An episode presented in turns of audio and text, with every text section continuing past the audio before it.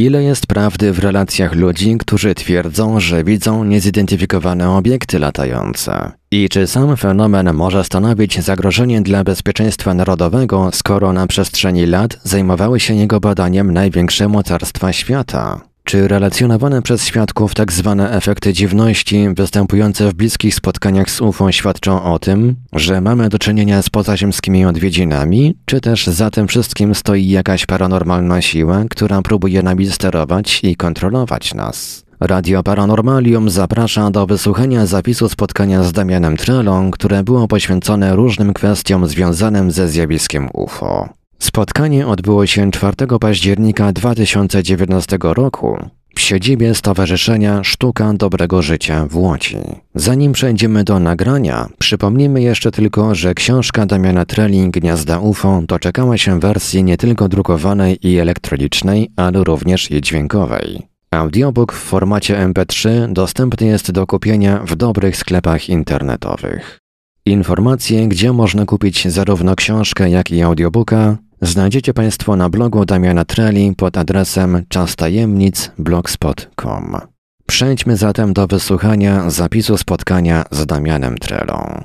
Witam Państwa serdecznie. Myślę, że na spotkaniu takim rzadkim i niespotykanym, bo na tematy UFO w ostatnich czasach w Polsce się mało mówi, mało dyskutuje. Mało było organizowanych takich spotkań. Ostatnim razem takie ogólnopolskie różne fora e, poświęcone tej tematyce były organizowane we Wrocławiu jeszcze prawie 10 lat temu. E, także od tego czasu jest jakby taka posłucha. E, podziękowania serdeczne dla Pani, dla Pani gości za to, że możemy, możemy się tutaj spotkać i mogę do Państwa tutaj przyjechać. Może kilka słów o mnie. Ja zajmuję się tematyką ufologiczną od, no, od końca lat 90., jeszcze jako taki nastolatek. Zajmowałem się już tym bardziej tak, można powiedzieć, bardziej fachowo. E, przyłączyłem się do takiej grupy badawczej e, jeszcze pod koniec lat 90., y, która, Legnickiej Grupy Badawczej, która się nazywała Legnicki Klub Badań e, Zjawisk Nieznanych. To była organizacja kilkuosobowa, do której, do której się przyłączyłem, do, dzięki której zacząłem aktywnie działać w terenie i docierać do różnych świadków, ludzi, którzy stwierdzili, że widzą różne nieziemskie zjawiska, są świadkami takich niecodziennych zdarzeń. W międzyczasie stałem się bardziej niezależnym badawczym. E, obecnie działam, e, działam właśnie niezależnie. Głównie dokumentuję takie zjawiska na terenie, na terenie Dolnego Śląska i mam skompletowane ponad 200 przypadków różnych obserwacji z Polski, głównie z terenu, e, z terenu Dolnego Śląska. Co w ogóle mnie zainspirowało do zajmowania się taką, taką tematyką?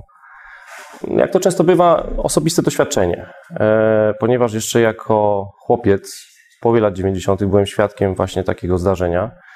To było dokładnie w 96 roku e, na Dolnym Śląsku, skąd e, pochodzę, w takiej niewielkiej miejscowości Kłaczyna w powiecie wałbrzyskim.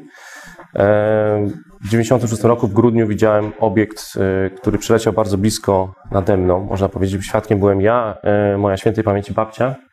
Widzieliśmy obiekt cygarokształtny, który przemieszczał się na wysokości może 100-150 metrów, takiego ciemnego ciemnego koloru, mimo tego był dobrze widoczny, chociaż było już ciemno i niebo było gwiaździste, ale bardzo ładnie się rzucał, e, rzucał w oczy i miał takie dwa bardzo duże reflektory e, odbijające się z przodu, oświetlające jakby okolice. I to coś przeleciało bezdźwięcznie nade mną, dosłownie na wysokości może 80 metrów i po prostu wprawiło mnie w olbrzymie osłupienie.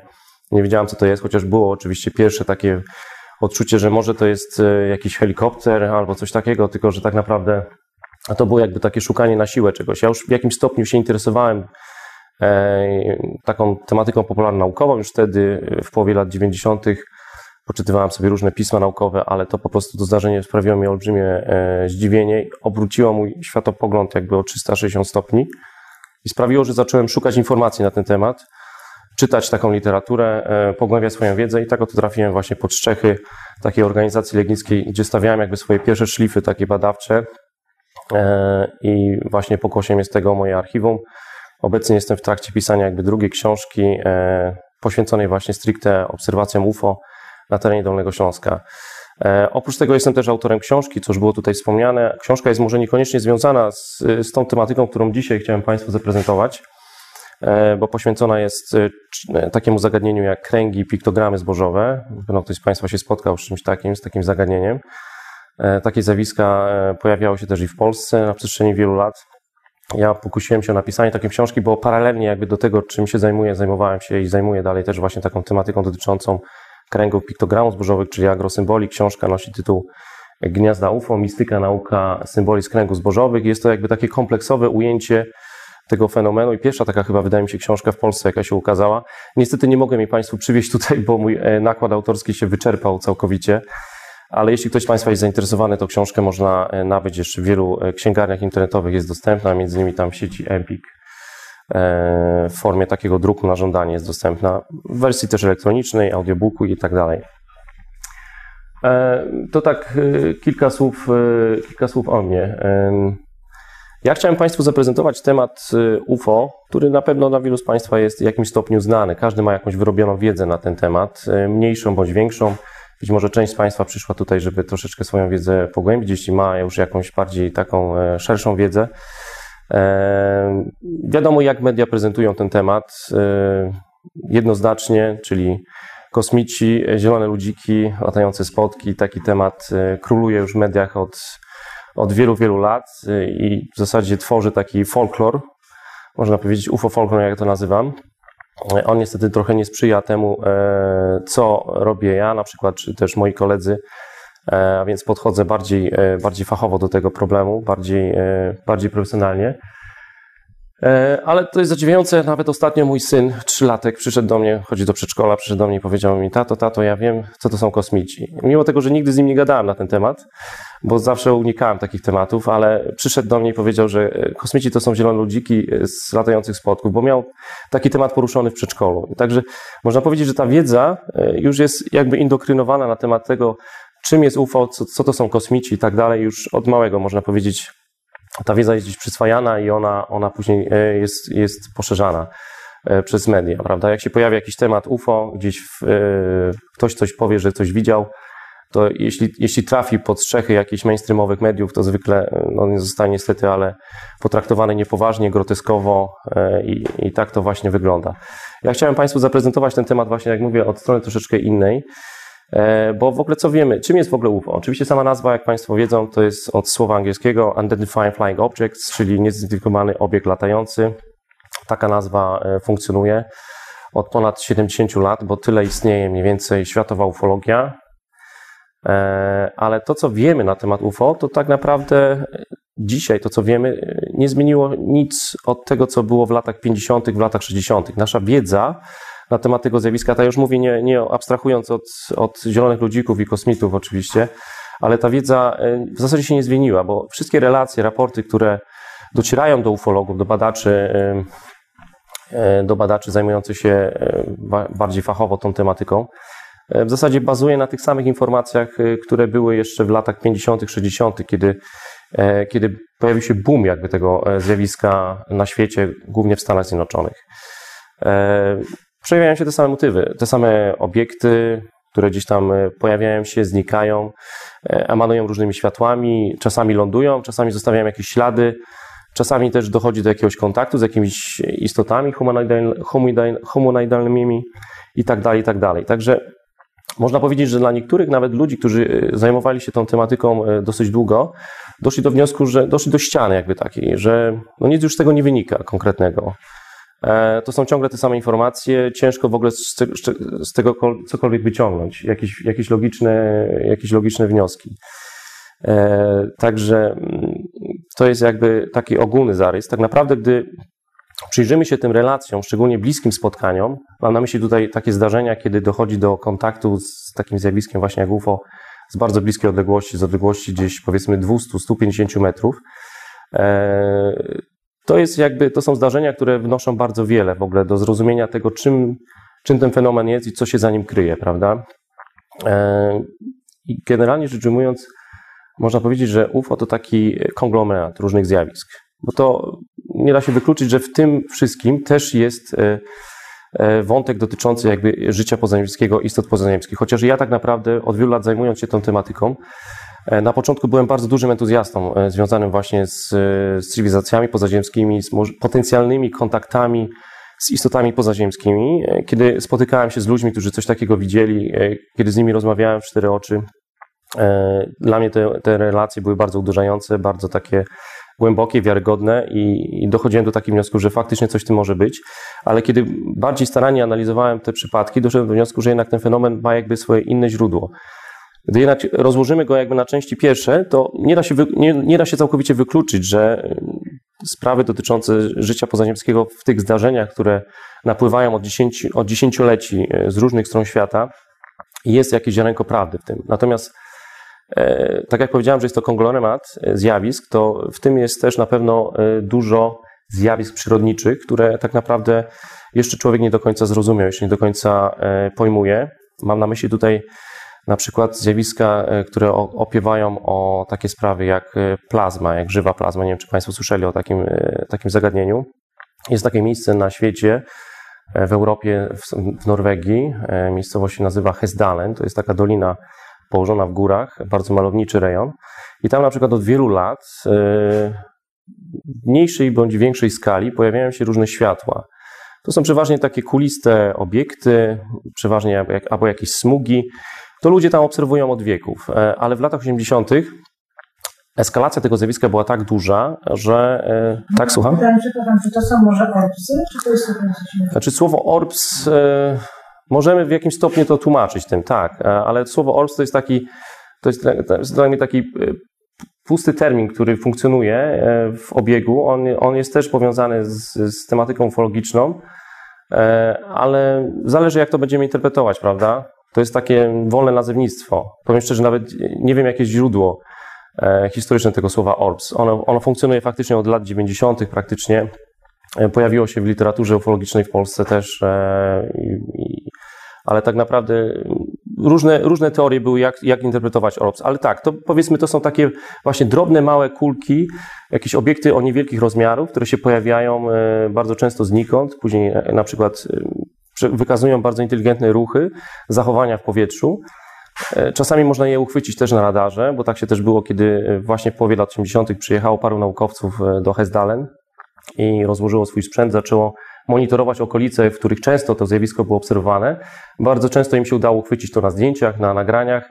E, Nawet e, udało się to uchwycić na radarze. Te obiekty czasami były na przykład niewidoczne gołym okiem, ale były e, wychwycone przez, przez radar. To jest też ciekawostka, prawda? I część badaczy doszło do wniosku, że są to zjawiska plazmowe, przypominające mniej więcej pioruny kuliste. W ogóle temat piorun kulisty to jest tak naprawdę niby znany temat fizyce, natomiast tak naprawdę wciąż jeszcze mało wiemy w ogóle o piorunach kulistych, o tym, co się może kryć. Generalnie przyjmuje się, że jest to zjonizowana e, forma energetyczna pola elektromagnetycznego, takiej plazmy, zamknięta w sobie, którą czasami można zaobserwować przy jakichś wyładowaniach atmosferycznych, przy, e, przy burzach. E, Te kulki czasami mogą wpaść na przykład do domu, albo na przykład uderzyć o ścianę czy o szybę i wtedy jest wielki huk. Często na przykład piloci obserwowali takie, takie zjawiska i nazywali je na przykład ogniami świętego Elma. I takie zjawiska właśnie pojawiały się nad Hesdalen. E, I część naukowców doszła do wniosku, z racji tego, że niby przypomina to formę jakby naturalnego zjawiska przyrodniczego, a jednak wykazywało jakąś formę inteligencji. To znaczy potrafiło nawet reagować na myśli, co ciekawe. Na przykład były sytuacje takie, że część badaczy y, obserwujących to zjawisko kierowało jakieś intencje myślowe w stronę tych obiektów i one na przykład y, mówi, ktoś sobie pomyślał, a może skręci w lewo zaraz. I nieoczekiwanie to te, ten, ten obiekt sobie skręcał w lewo. Albo o, zaraz się pojawi tutaj i nagle cyk pojawił się w takim miejscu, gdzie, e, gdzie były oczekiwania obserwatora. A więc te zjawiska zachowały się inteligentnie i doszli do wniosku ci badacze, że to e, przypomina formę takiej żywej plazmy. W ogóle definicja życia jest tak naprawdę dalej definicją taką nie do końca sprecyzowaną. E, I nie wyklucza się tego, że forma materii nieorganicznej też może przekazywać, wykazywać jakieś e, zachowania inteligentne poprzez łączenie się, dzielenie się, więc e, w tym konglomeracie UFO pojawia się również taki wątek jak zjawiska przyrodnicze. Ja tutaj pozwolę Państwu zaprezentować sobie takie przykładowe zdjęcia, właśnie jak to wyglądało mniej więcej w Hesdalen. O, to jest właśnie przykład, jak, jak te różne kulki wyglądały. Czasami to były takie właśnie wrzeciona. O, przepraszam, prezentacja mi się włączyła, ale cofniemy sobie do tyłu. O, o. E, I właśnie, czasami było tak, że te obiekty pojawiały się w jednym miejscu, po czym. Aj kurczę, jednak spacja nie działa. Jeden raz spacja. Dobra. trzymam za słowo, że się zatrzyma. Okej. E, Czasami było tak właśnie, że, że było to kilka obiektów, które pojawiały się e, w jakiejś odległości od, od kamer, e, po czym e, nagle znikały, pojawiały się w innym miejscu, czy jakby się ma- materializowały, e, materializowały po czym dematerializowały. E, Potrafiły się też bardzo szybko przemieszczać. Udało się uchwycić niektóre e, ruchy tych obiektów e, na, na bardzo duże, duże prędkości. Były to skoki dużych prędkości. Na przykład z do, nie wiem, do 300 km na godzinę, tak te obiekty się potrafiły przemieszczać. Także to jakby wyklu- wy- wykluczało w pewnym sensie zachowanie piorunów kolistych e, i wskazywało na coś, e, czego nauka jeszcze nie potrafi zrozumieć i pojąć. E, Co ciekawe, takie zjawiska też obserwowane są w wie- wielu innych rejonach. Bardzo często w, rejonie, w rejonach górzystych, co ciekawe. Hesdalen jest tego przykładem, bo tam są właśnie góry. Natomiast e, podobne zjawiska obserwowano na przykład we Włoszech w górach, e, również i w Polsce, e, w górach, w górach sudeckich, w Karkonoszach. Bardzo często takie zjawiska właśnie obserwowano i zwykle naukowcy tłumaczą je jako tak zwane air flights, czyli takie ziemskie światła, kiedy na przykład dwa, dwa krzemienie o siebie, powstanie iskra, prawda? E, I to jest, właśnie, to jest właśnie wyładowanie, które ma formę takiej jakby mini plazmy, która się pojawia na sekundę i znika, prawda? Czasami takie zjawiska się potrafią utrzymywać dłużej, tylko że w tym przypadku mamy do czynienia z czymś zupełnie innym, bo czymś podobnym, ale jednak e, nie do końca. E, Ja podobny, z podobnymi naukami się spotykałem w swojej działalności wieloletniej bardzo, e, bardzo wiele razy. Na przykład na Dolnym Śląsku rejestrowałem takie e, przypadki pojawienia się takich obiektów. Nie wiem, czy akurat mam zdjęcie tutaj przygotowane na tą e, okazję. W takiej miejscowości Godzięcin. To jest mała wioska położona daleko Wrocławia.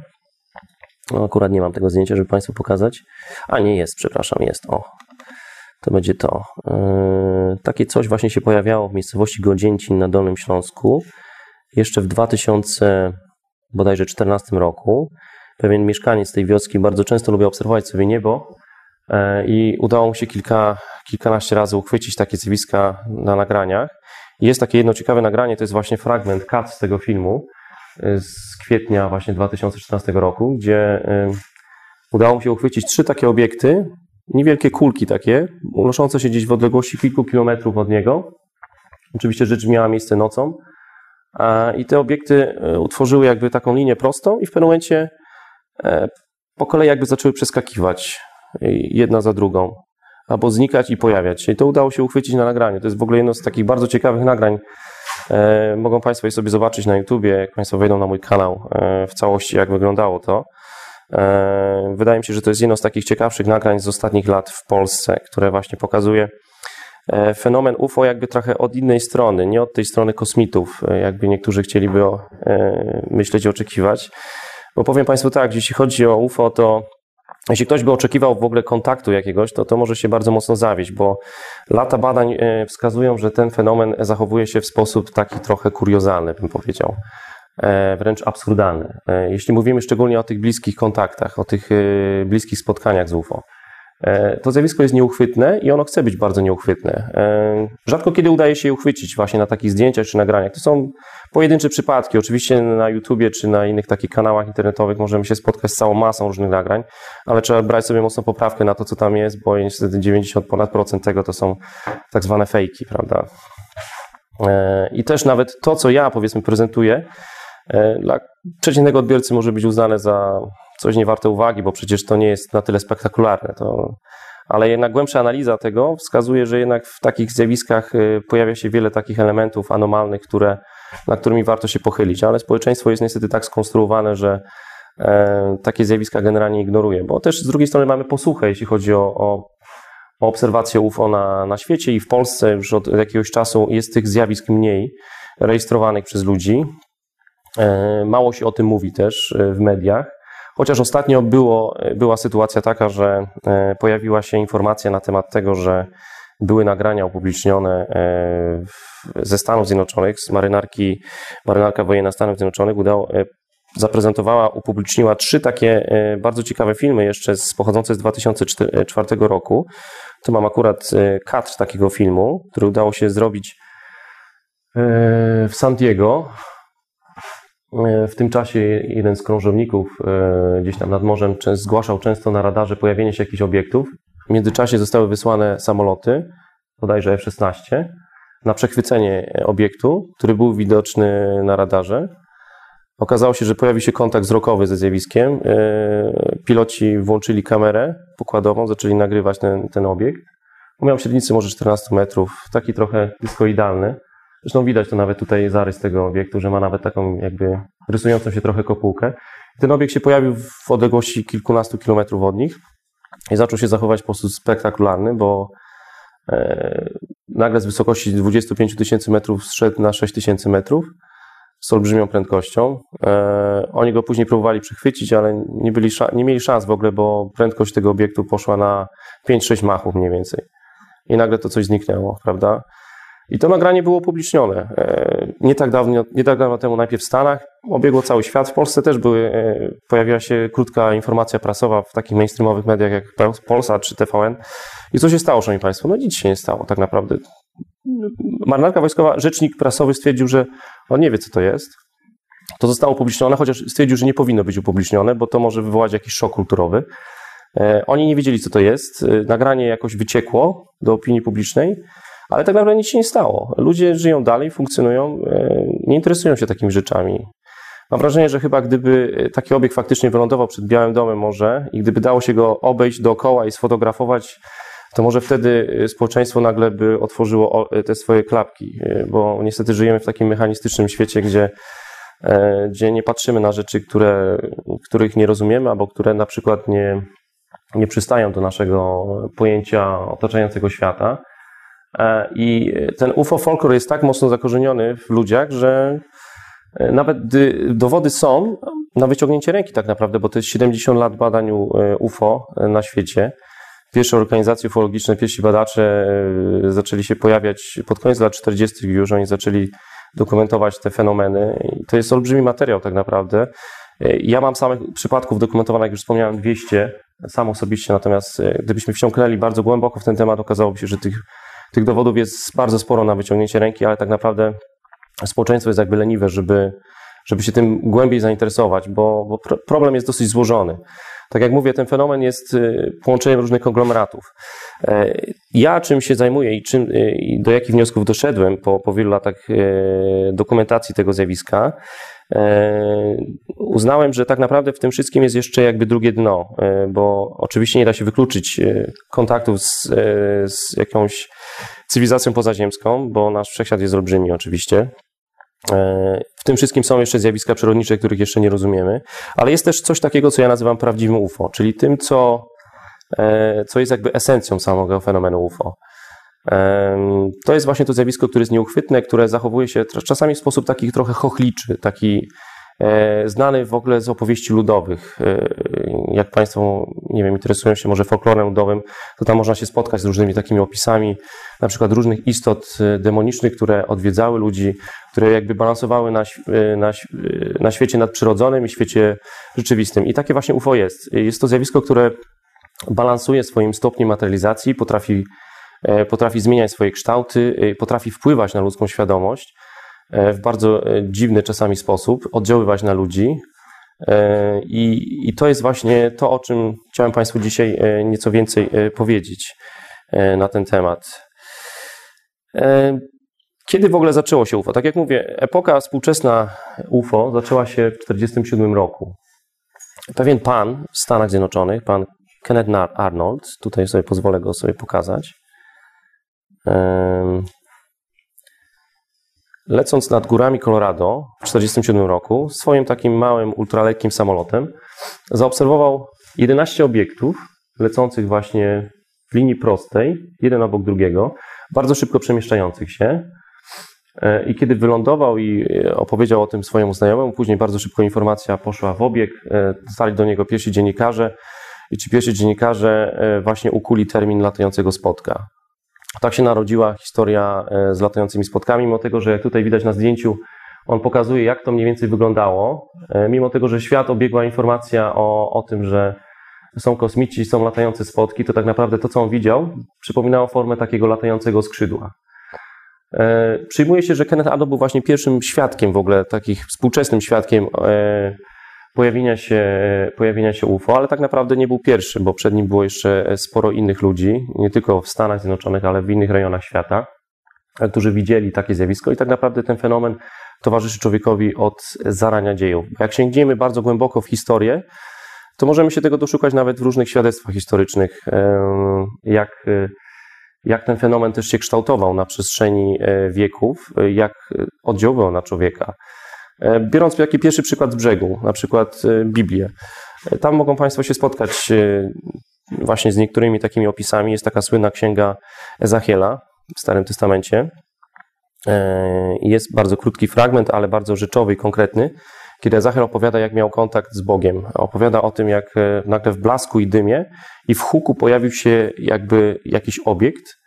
E, on to nazwał, że to były anioły, e, które wylądowały przed nim i przekazały mu Słowo Boże. I on nagle po kontakcie z tym czymś stał się prorokiem. Zaczął głosić Słowo Boże. I tak właśnie jest często z ludźmi, którzy stykają się z fenomenem UFO. E, szczególnie w bardzo takich bliskich kontaktach. Oni po prostu przechodzą jakąś taką jakąś formę transformacji. E, w tamtych czasach to byli prorocy. Jeszcze w starych wierzeniach ludowych to byli jacyś odmieńcy, ludzie, którzy e, stykając się z światem nadprzyrodzonym, później przychodzili jakby taką, takie przewartościowanie osobowości i stawali się czasami właśnie takimi prorokami albo, albo kontaktowcami. Być może Państwo spotkali się z takim sformułowaniem jak kontaktowiec. To jest człowiek właśnie, który, y, który twierdzi, że ma częste kontakty z, z obiektami UFO, z istotami, y, y, które są załogantami tych obiektów. I to są ludzie, którzy czasami po prostu opowiadają bzdurne rzeczy, można powiedzieć, e, ale oni głęboko wierzą w to, co przeżyli. E, natomiast ich, ich umysł jest tak nastawiony po zetknięciu z czymś faktycznie autentycznym, realnym, które dostosowało się jakby do, do powiedzmy obyczajowości tego człowieka, przyjęło taką formę, e, którą on był w stanie ją zaakceptować. E, I po kontakcie z czymś takim, tacy ludzie zaczynają przechodzić właśnie różne formy przemiany. O tym jeszcze będę mówił e, w trakcie swojego wystąpienia. Ale jak sięgniemy daleko, głęboko w historię, to w czasach antycznych, starożytnych jest sporo różnych takich świadectw relacji historycznych, gdzie mowa jest o latających rydwanach, o, o bogach, którzy stąpowali na ziemię. O tym możemy przeczytać i w Bibliach, i w ogóle E, w Ewangeliach, które nie weszły w poczet e, biblijny. Możemy spotkać się w starohinduskich e, różnych pismach i tak dalej, i tak dalej. Na przykład wczesne, wczesnohistoryczne relacje są też i z Polski. Jest taka jedna bardzo ciekawa, ciekawe świadectwo historyczne, które jeszcze spisał Jan Długosz, a dotyczy ono zdarzenia, które miało miejsce w 1241 roku we Wrocławiu. E, podczas oblężenia miasta przez e, Tatarów e, doszło do bardzo ciekawego zdarzenia, mianowicie to mogą Państwo sobie znaleźć, te, te opisy są dostępne nawet w internecie, jak kiedy dochodziło już do momentu, kiedy praktycznie miasto zostało całkowicie przejęte przez Tatarów, nagle pojawiła się dziwna jasność, błysk objął całe miasto praktycznie wtedy pojawiła się silna łuna światła, która sprawiła, że Tatarzy się tak przerażyli, że uciekli z tego miejsca. Historycy to zinterpretowali, że wtedy użyto po prostu po raz pierwszy prochu, no ale tak naprawdę prochem Polacy wtedy nie dysponowali, co najwyżej może Tatarzy, ale oni chyba raczej nie byli w stanie wyprowadzić się z takiego szoku, że, że nagle pouciekali z tego miejsca, prawda? To jest jedno z takich pierwszych świadectw y, wskazujących na to, że to mogło być UFO. Nie mog- niekoniecznie było, ale, ale domniemanie mogło być. Takich relacji jest wiele innych oczywiście. Tutaj zabrakłoby nam czasu, żeby o tym opowiadać. E, natomiast jakbyśmy mieli prześledzić, aha, tutaj jeszcze chciałem Państwu pokazać e, takie zdjęcie. Ja mogę coś? Tak, proszę. E, bo przecież osoby, które miały kontakt no, kobiet z UFO, tak? Tak. Rzecz biorąc, zostać jakimiś artystami. Tak, to jest też warte uwagi, tak. Tak? Tak, tak, oczywiście. Gdy w ogóle prześledzimy historię niektórych e, znanych, e, znanych postaci historycznych, to okaże się, że, że oni czerpali inspirację czasami z jakiegoś takiego nieznanego źródła, prawda? E, I to byli ludzie, którzy, których czasami coś dotknęło, coś właśnie nieznanego. E, co sprawiło, że, że zaczęli, zaczęli się interesować jakimiś sprawami, zaczęli tworzyć jakieś wynalazki, zaczęli być może malować, tworzyć coś. E, ja się wielokrotnie spotykałem z tym, e, z, rozmawiając z ludźmi, którzy właśnie przeżyli kontakty, z, takie bardzo bliskie kontakty z UFO, mam tutaj na myśli coś takiego jak wzięcia, czyli abdukcje, czyli ludzie, którzy twierdzą, że zostali porwani przez jakąś siłę. Oni to interpretują jako kosmici, tak? Natomiast jak się przyjrzymy temu głębiej, co będziemy jeszcze omawiać, okazuje się, że to niekoniecznie jest to, e, o czym oni mówią, ale ci ludzie przechodzili właśnie taką przemianę, prawda, duchową nawet czasami. E, I ja znam przypadek człowieka, który na przykład e, po kontakcie takim on zaczął malować, prawda? Mimo tego, że nawet nie wygląda na człowieka, który jest artystą, bo był takim silnie zbudowanym mężczyzną, chodzącym na siłownię, ale po prostu nagle on mówi do mnie, wie pan co, ja po prostu nie wiem co, ale zaświrowałem, zacząłem malować i, i to popadałem w jakieś transe takie, prawda? Także tak się dzieje faktycznie, że ci ludzie doznając kontaktu z czymś takim po prostu nieziemskim, e, przechodzą właśnie różną, różnej maści przemiany. Tutaj chciałem Państwu pokazać zdjęcie, to jest rysunek e, sporządzony przez e, takiego człowieka, który się nazywał Józef Blumliś. To jest były pracownik NASA. On w latach 70. bodajże, zapoznając się głęboko z historią opisaną w Biblii przez Ezachiela, tego, jak to dokładnie to opisał, bo gdybyśmy poczytali takie stare, stare źródła e, biblijne, nie te, które są powszechnie znane w obiegu, to tam ten opis jest bardzo taki techniczny tego obiektu, który widział Ezachiel. I on na podstawie tych, e, tego opisu stworzył, a że był e, inżynierem, stworzył właśnie taki rysunek takiego obiektu.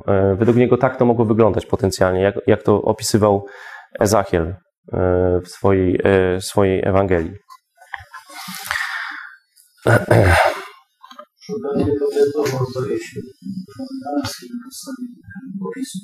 Jeszcze raz, przepraszam.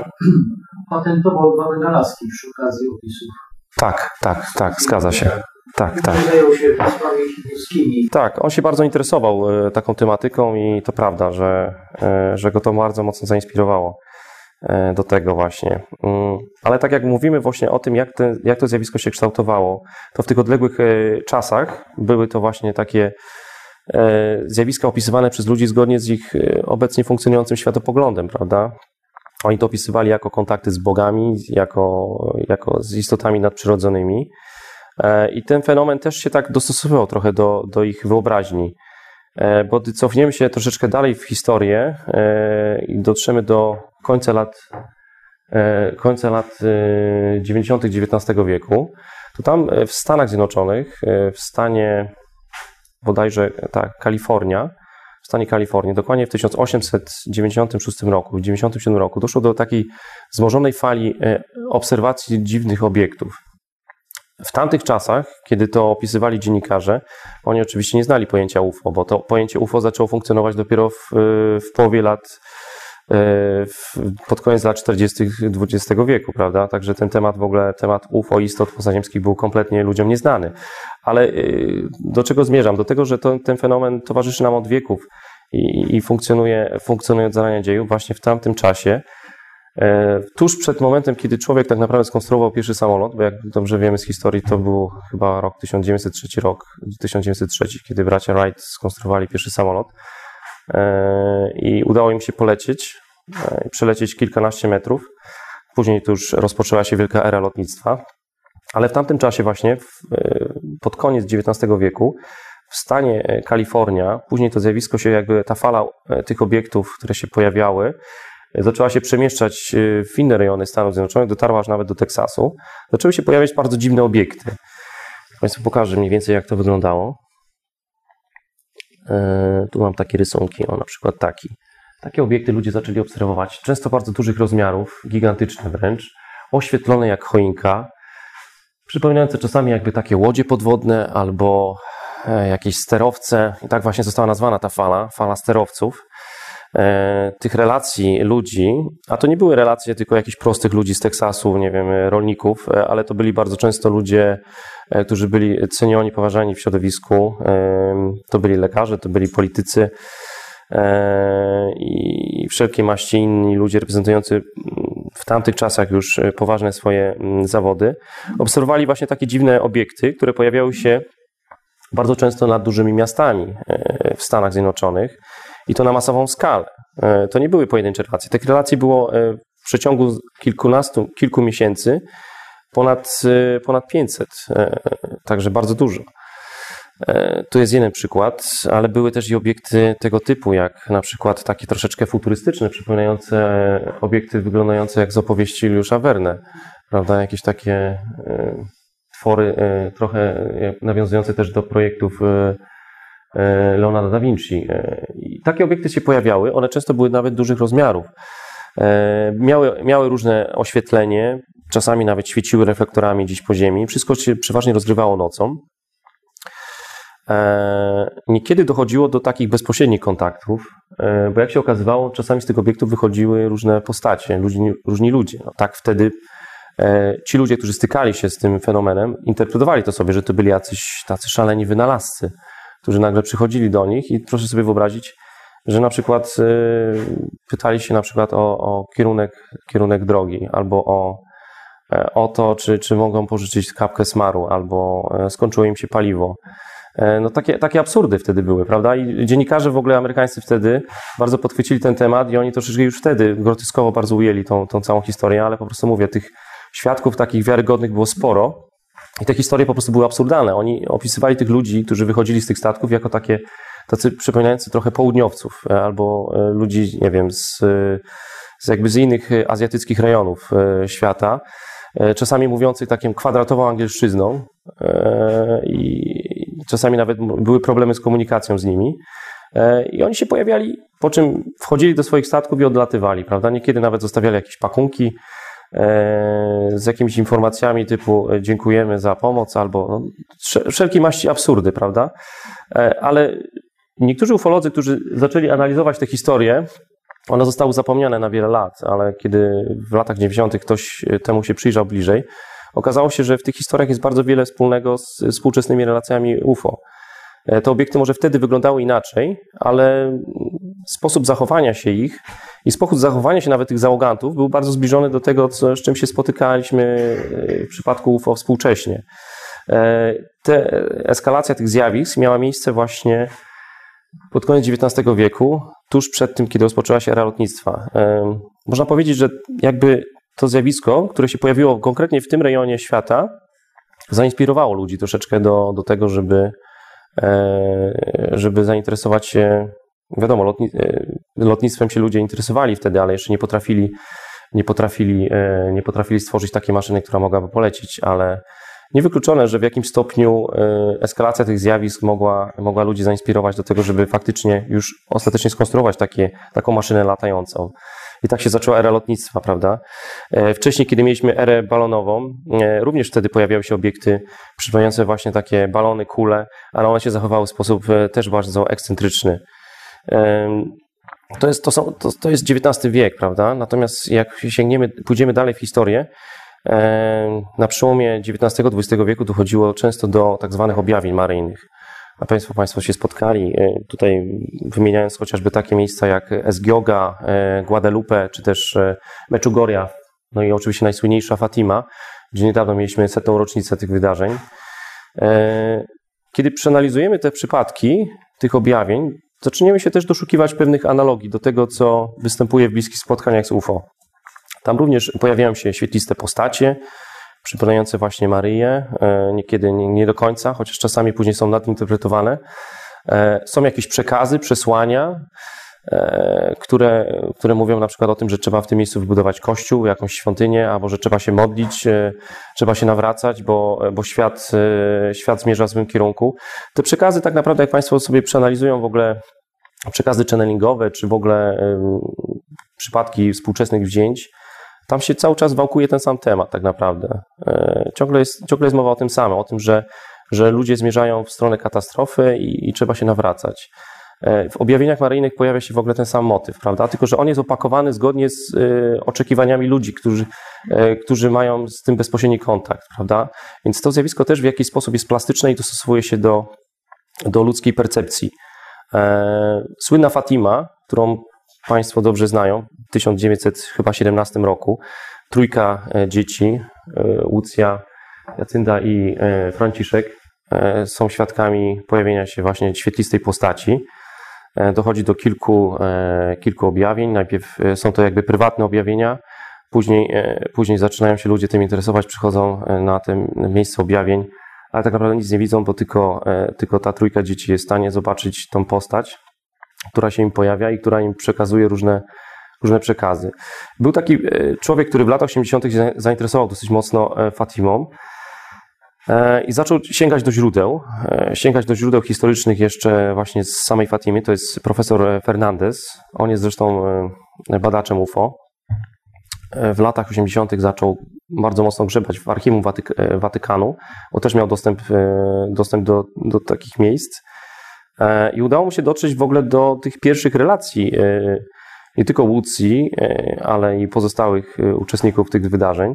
I co ciekawe, postać Madonny, którą wszyscy doskonale znają, która jest obecna praktycznie w każdym kościele katolickim w postaci jej figurek albo, albo obrazów, okazało się, że pierwsze rysunki, jakie były sporządzone na podstawie relacji tej trójki dzieci, zupełnie odbiegały od tego, co, co zostało zachowane w relacjach, relacjach, relacjach kościelnych.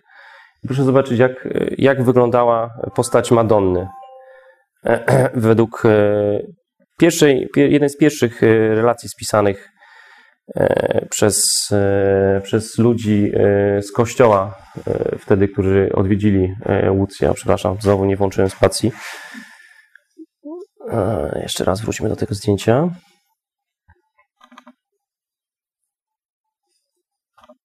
I spacja. Taka postać trochę przypominająca, no nie do końca Maryję. Jakaś postać taka z peleryną, z aurolą wokół głowy. I właśnie taka postać się pojawiła, według relacji tych pierwszych, właśnie tam w Fatimie. Później mieliśmy jeszcze coś takiego jak cud, cud słońca, który, który był jakby zakończeniem w ogóle całego objawienia maryjnego. Wtedy już świadkami tego zdarzenia były setki ludzi, prawda, którzy zgromadzili się, bo zapowiedź była jednoznaczna, że dojdzie do cudu i ludzie już zafascynowani tą historią przyszli zobaczyć i przekonać się na własne oczy, że coś jest na rzeczy w, historii tej trójki dzieci. To jest na przykład zdjęcie historyczne, które pokazuje, ile ludzi wtedy było. To jest tylko fragment tak naprawdę, bo tych ludzi tam było z, z ponad 200, jak nie 300. Ci wszyscy ludzie widzieli, byli świadkami pojawienia się, jak sami jak część twierdziła, słońca, które zaczęło wirować, prawda? Ale jak zaczęliśmy analizować, jak, przepraszam, jak niektórzy badacze UFO zaczęli się interesować tematem objawień maryjnych, zaczęli analizować tą, te różne relacje, które wtedy spłynęły od, od wielu ludzi, które zostały spisane, one często się rozmijały ze sobą, bo tak w ogóle często jest w ogóle w obserwacjach UFO, że czasami y, trójka ludzi jednocześnie obserwująca ten sam fenomen opisuje go czasami inaczej. Na przykład ktoś widzi kulę, a jeszcze inny widzi cygaro. I teraz możemy się zastanowić. Tak, tak, proszę. To jest klasyczne zjawisko, jeżeli chodzi o klimatystykę również. Tak, tak, zgadza się. Zgadza się, bo. No, trzech świadków każdy widzi co innego. Tak, bo tak jest też skonstruowana ludzka percepcja, prawda? Że y, świadek, zresztą jak kryminologia dowodzi, świadek już y, z założenia trzeba, trzeba go wziąć jako kłamcę, prawda? Na samym wstępie, bo jego percepcja już będzie opisywała tą historię według subiektywnego odbioru, prawda? I, I, ten obraz może być zakłamany od obrazu rzeczywistego. To jest prawda. Ale ja tutaj akurat zmierzam do, do czegoś. W ogóle ufologia jest, ma bardzo wiele wspólnego z kryminologią. Jak Państwo by zobaczyli, jak wygląda w ogóle rozmowa ze świadkiem, wizja lokalna w terenie, gdzie powiedzmy pojawił się jakiś obiekt, są jakieś ślady, to trochę przypomina właśnie pracę kryminologa takiego rasowego, w pewnym sensie, prawda? Są też testy psychologiczne, którymi się ja na przykład posługuję w, w takich już konkretnych, ciekawych przypadkach, żeby wykluczyć ewentualnie tą niewiarygodność świadka, ale w większości przypadków ta wiarygodność jest duża, także chociaż nie można jej stuprocentowo potwierdzić, ale, ale na pewno ci ludzie coś obserwują. Zresztą ja sam byłem świadkiem takiego zdarzenia i mogę chyba siebie nazwać wiarygodnym człowiekiem. Ale wtedy wielu ludzi obserwowało taniec kuli, inni opisywali to jako kulę, inni opisywali to jako dysk, jako, jako taki spłaszczony boch, bochenek chleba, Czasami niektórzy mówili, że ten obiekt zmieniał kształty troszeczkę, wirował, obracał się wokół osi, więc masa różnych informacji, która została gdzieś zawarta w tych różnych zapisach historycznych. To, co przedostało się do mediów i to, co Kościół sobie przywłaszczył, było niestety mocno zindokrynowane już niestety. Natomiast jak sięgniemy do tych źródeł, które udało się uzyskać profesorowi Fernandezowi, to te relacje są bardzo ciekawe i bardzo takie znamienne. One wskazują na to, że tam doszło do zjawiska, zresztą nawet wielu ludzi to była wtedy, tego dnia, kiedy doszło do manifestacji masowej tego obiektu, e, to była bardzo e, deszczowa aura wtedy. Dużo ludzi e, stało z mokrymi płaszczami. I co ciekawe, po obserwacji tego obiektu, część z nich poczuła silne ciepło emanujące z tego obiektu i nawet niektórym wyschły płaszcze. Proszę sobie wyobrazić.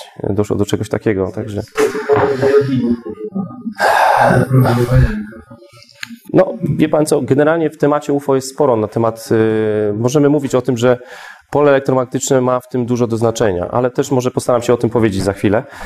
Yy, to, jest, to są objawienia maryjne. I proszę zobaczyć, jak to zjawisko zmienia i manifestuje się zgodnie z, z, z daną epoką historyczną. Mamy jeszcze coś takiego jak, yy, to jest słabe zdjęcie, niestety nie udało mi się dobrego ściągnąć. Yy, jedno ze zdjęć, które przedstawia pojawienie się obiektów przy e, myśliwców, e, przy myśliwcach RAF-u. O, znowu spacja. Nie mogę się nauczyć tego. To był rok 44. Słyszeli Państwo może o czymś takim jak Foo Fighters. To było zjawisko, które pojawiało się na dużą skalę nawet w 1944 roku, pod koniec wojny, kiedy dochodziło do nalotów bombowych na, na Niemcy. Tam głównie e, ludzie obserwowali, piloci oczywiście, piloci obserwowali takie zjawiska w postaci kul, które nadlatywały, przylatywały czasami pod skrzydło e, takich samolotów. Tutaj jest jedno zdjęcie, chyba jedno z nielicznych, e, które właśnie prezentują to, jak to mogło wyglądać ewentualnie. I co ciekawe, widywali to też polscy piloci, którzy, którzy pracowali wtedy dla RAF-u i brali udział też w nalotach dywanowych. Oni też e, są zachowane relacje niektórych polskich pilotów, którzy widzieli takie obiekty. One nie tylko się nad Europą pojawiały w tym czasie, pojawiały się też i w innych rejonach świata, nawet nad Azją, e, nad Stanami Zjednoczonymi e, i przyjmowały postać właśnie takich małych kulek, które przelatywały, oblatywały czasami samolot, po czym znikały albo błyskawicznie się oddalały. Niekiedy dochodziło do zakłóceń pracy maszyn pokładowych w samolocie. To też może wskazywać, że to było skupisko bardzo silnej energii elektromagnetycznej, która mogła w jakiś sposób wpłynąć na pracę e, urządzeń pokładowych. Tego się nie da wykluczyć oczywiście, nie? Ale to jest jakby taka forma, jakby kolejna odsłona UFO, można powiedzieć. E, wtedy w ogóle, co ciekawe, RAF się bardzo zainteresował tym tematem, bo tego było sporo. Próbowano to na siłę właśnie powiązać z czymś takim jak ognie świętego Elma, chociaż niektóre relacje pilotów to całkowicie wykluczały, więc temat po prostu nagle uciszył się sam, bo e, piloci przestali obserwować tych, e, te zjawiska w pewnym momencie, bo to była tak naprawdę e, okres dwóch może miesięcy, kiedy była taka silna eskalacja tego, głównie nad Niemcami, ale nie tylko. Przyznawać, proszę Pana, w obserwacji przypuszczalnej, ponieważ były silne naciski na zbrojenie tej i rozpowszechniania wiadomości niesprawdzanych. To na raportach można przeczytać, które są udostępniane w tej chwili po wojnie. Mogło tak być, chociaż mi się wydaje, że po prostu y, y, to były y, zbyt mało konkretne informacje, zbyt mało konkretne relacje, z których było mało informacji i po prostu sprawy umarzano. Co do zasady. Co do zasady, bo nie było sensu drążyć tego po prostu. E, tak było właśnie w 1944 roku. I tak naprawdę UFO ma swoje ciągle różne odsłony. Kiedy mówimy jeszcze o latach 40., to możemy się jeszcze troszeczkę cofnąć w historii. E, I tu chciałem Państwu pokazać inne zdjęcie, które jest ilustracją akurat. O, proszę sobie zobaczyć to na przykład. To jest rysunek pewnego zdarzenia, które miało miejsce w Polsce, e, w Maszkowicach. To jest, zdaje się, miejscowość tutaj jeszcze w województwie łódzkim. Taka niewielka wioska. Tam w 1906 roku, już tak abstrahując całkowicie objawień maryjnych od e, Foo Fighters i, i tego typu różnych zjawisk, e, pewną gospodę odwiedziły takie dwie istoty, które przyszły, e, były szczupłe, bardzo takie chuderlawe, szczupłe, niskiego wzrostu, może 1,20 m, 1,40 m, miały troszeczkę duże oczy, były ubrane w jakby takie, jak to ta pani, która relacjonowała to zdarzenie, to jest historia w ogóle E, która jest jakby przekazana z drugiej ręki od e, córki e, tej pani, która była świadkiem tego zdarzenia jeszcze jako dziecko w 1906 roku. Tam po latach opowiedziała to swojej córce. Ta córka to zachowała w postaci takiego opisu, dosyć precyzyjnego. I po latach ta, ta relacja dotarła do polskich badaczy UFO. e, te istoty sobie przyszły, zapukały i nie mówiąc, ale gestykulując, pokazały, że coś chcą, jakby pokazywały, że chcą jeść, jakby. Więc e, jak polska chata, gościna polska, więc wyciągnęli kaszę i mówią, proszę.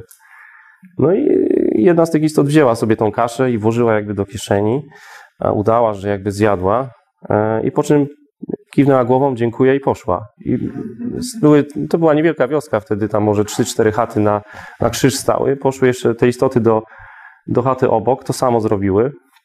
Odwiedziły jeszcze dwa może domostwa i później dzieci, które, e, które tam mieszkały w tej wiosce, widziały, jak te istoty weszły sobie do takiego jajowatego obiektu. E, klapa się za nimi zamknęła i obiekt wystartował i wyleciał. I to jest relacja z początku XX wieku. Takich historii jeszcze jest sporo w ogóle z Polski. Nawet mamy taką ciekawą relację z 26 roku z miejscowości Ujazd. E, też bardzo ciekawa historia, którą opisywali tacy, można powiedzieć, pionierzy polskiej ufologii, jak Bronisław Rzepecki, Krzysztof Piechota. Nie wiem, czy Państwo się spotkali z takimi nazwiskami. Oni, można powiedzieć, rozpoczęli w ogóle ufologię w Polsce jeszcze pod koniec e, lat 70. Udało im się dotrzeć właśnie do takiej relacji e, e, kobiety, która opowiadała, że jeszcze jako 13-letnia dziewczynka wypasała krowy i zobaczyła nagle trzy takie lądujące kule przed nią, a obok nich pojawiły się jakby takie istoty ubrane jakby w takie mundury, przeplatane jakby taką, takim sznurem. Ona się przestraszyła, krowy też zareagowały trochę nerwowo i nagle te kule się gdzieś tam rozpieszły, odleciały no i tyle, można powiedzieć. I tak to w ogóle jest w ogóle z tymi, z tymi relacjami, nawet czystnymi. One są często absurdalne po prostu takie. Przychodzą jakieś istoty, pytają się o coś, albo jak mówiłem, mówiłem o, o fali sterowców e, nad Stanami Zjednoczonymi, to też przecież e, ci ekscentryczni wynalazcy, e, którzy tak się przedstawiali, albo jak się ktoś ich pytał, skąd jesteście, to oni mówili, a znik, zewsząd, jesteśmy zewsząd. Albo opowiadali, wymyślali sobie jakieś nazwy takie dziwne, których tak naprawdę nigdzie nie istniały. E, I to po prostu te relacje są takie absurdalne, ale, ale, ale często się właśnie spotykamy z czymś takim w bliskich spotkaniach z UFO, nawet współcześnie. E, na przykład, jak gdybyśmy się cofnęli do lat 50. E, we Francji, w 1954 roku była taka fala UFO, jedna z pierwszych takich fal UFO w Europie, gdzie ludzie często obserwowali lądowanie obiektów takich jajokształtnych, z których wychodziły takie postacie przypominające trochę krasnoludki. E, niskiego wzrostu, e, takie brodate, takie karły jakby troszeczkę. I one się też zachowały ekscentrycznie. No, czasami na przykład szła kobieta polną drogą, widziała taki obiekt, wyszły takie istoty i na przykład niosła kwiatki ręce i one podbiegły i zabrały mu te kwiatki. No takie trochę szalone, jak na kosmitę, który przyjeżdża w odwiedziny e, na planetę Ziemia, prawda, i chce, oczekuje jakiegoś kontaktu, prawda trochę zachowują, zachowują się po prostu infantylnie, dziecinnie te, ci kosmici. Jakbyśmy się tak e, przyjrzeli temu bliżej, prawda? E, ale gdy na przykład, e, kiedy mówię o tym, że, że, że obraz UFO się zmienia wraz z, z obyczajowością ludzką, to też warto wspomnieć o tym, jak on się prezentuje współcześnie. Na przykład, gdybyśmy się zapoznali, gdyby Państwo się zapoznali ze współczesnymi relacjami, mam na myśli takie sprzed nawet 10, może 15 lat, to w tych relacjach nie ma mowy o latających spotkach, bo w ogóle kiedyś się te latające spotki pojawiły. Właśnie za sprawą tego Kenneda Adolda, który tam w 1947 widział te, ten obieg, on później został nazwany przez dziennikarzy spotka, latającym spotkiem, po czym nieoczekiwanie później nastąpiła wielka fala w Stanach Zjednoczonych latających spotków. E, te obiekty były obserwowane masowo e, i one zapoczątkowały jakby erę kosmiczną. W ogóle to zjawisko jest zawsze jakby o krok przed człowiekiem. E, on jest jakby same obserwacje są najmniej istotne. Najistotniejsze jest to, co się dzieje w ludziach, którzy się stykają z tym zjawiskiem. Jak to zjawisko na nich wpływa, jak ich inspiruje czasami do czegoś, prawda? Eee, I właśnie jak połączymy fakty ze sobą, to okazuje się, że fala spotków, która nastąpiła właśnie pod koniec lat 40. i towarzyszyła człowiekowi jeszcze e, do lat 60. masowo, zapoczątkowała jakby taką erę, erę kosmiczną. Albo jak jeszcze się cofniemy do lat 40., to mamy rok 46 i na przykład nad Skandynawią, e, Norwegia, Szwecja, głównie Szwecja, e, dochodzi do masowych takich obserwacji obiektów w kształcie cygara, trochę przypominających takie rakiety. E, ludzie to interpretowali, że po prostu to był już koniec, koniec wojny, był rok 46, prawda? Ale takie obiekty się pojawiały dosyć masowo na niebie. Czasami po prostu leciały, spadały, innym razem się gdzieś przemieszczały, zakręcały. Zainteresowało się tym wojsko szwedzkie, Pojawiły się nawet e, e, jakieś po latach pojawiły się raporty e, badawcze e, sił powietrznych e, Szwecji, wymiany nawet wywiadowcze e, między Stanami Zjednoczonymi czy też, e, e, czy też e, Wielką Brytanią. Tak naprawdę każdy odbijał piłeczkę, mówił, że to on z tym nic nie ma wspólnego, prawda? Bo Szwecja zaczynała się zastanawiać, rząd szwedzki, bo to już było naprawdę na dużą skalę, tych relacji było sporo, tam około 200 przypadków, 300 chyba w ciągu paru miesięcy, więc to jest trochę dużo, prawda? Jak na, na krótki okres czasu. E, po prostu zaczęto zastanawiać się, co to jest tak naprawdę i w, i w jaki sposób to może wpływać na bezpieczeństwo narodowe. Pojawił się domysł, że to może być e, jakaś super tajna broń e, wojskowa, którą na przykład przechwycili Rosjanie po Niemcach. E, Jak wiemy, bronie V, bronie Wunderwaffe, na pewno Państwo o tym słyszeli. Broń V2, która była uż- używana powszechnie przez Niemców pod koniec wojny i wykorzystywana do bombardowania Londynu. E, Teoretycznie Rosja, podobnie jak i Amerykanie, przejęła taką technologię i mogła coś takiego testować, ale problem polegał na tym, że te obiekty tylko w jakimś stopniu przypominały rakiety. Ale ich zachowanie po prostu przeczyło temu, że to mogłyby być jakieś prototypy rakiet, e, które pojawiały się wtedy nad, nad Skandynawią w 1946 roku. I to jest też jakby taka jedna z odsłon, jeden z wielu odsłon, która gdzieś nawiązuje do danego momentu historycznego. E, Współcześnie obserwuje się obecnie trójkąty. Na pewno, mm, być może się Państwo spotkali gdzieś przeglądając różne strony internetowe. W Polsce było sporo takich relacji, zresztą na świecie też. Nawet się zachowały różne zdjęcia, były, są różne zdjęcia, są różne nagrania e, takich obiektów. E, Fala takich trójkątów w Polsce zaczęła się mniej więcej w 2010 roku. Sporo tych relacji zaczęło płynąć z różnych rejonów Polski. E, Między innymi nawet z rejonu łódzkiego. Tu mam takie zdjęcie e, pochodzące z miejscowości Pabianice, to jest chyba koło Łodzi, zdaje się. E, Pewien pan, który wyszedł sobie na papieroska na balkon, zobaczył nagle taki obiekt, e, który był sporych rozmiarów, to akurat, oj, znowu, kurczę, nie to, co trzeba. Przepraszam, już momencik. E, Zobaczył sobie taki obiekt, przypominający jakby takie latające skrzydło z, z wieloma światełkami żółtego koloru i to wszystko wyglądało troszeczkę, mimo tego, że było sporych rozmiarów, on to opisywał, że to mogło mieć średnicę nawet co najmniej 100 metrów, prawda? E, A przelatywało sobie to dosyć nisko, jakieś 300, może 400 metrów nad ziemią, bezdźwięcznie, nocą e, i było jakby takie przymglone troszeczkę. To było właśnie absurdalne.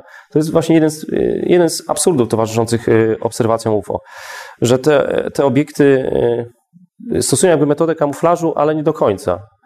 Bo może są jakby takie trochę przymglone, żeby się nie rzucały w oczy, ale mimo tego, tego oświetlenia rzucają się w oczy. I bardzo często w przypadku tych latających trójkątów to były pojedynczy ludzie.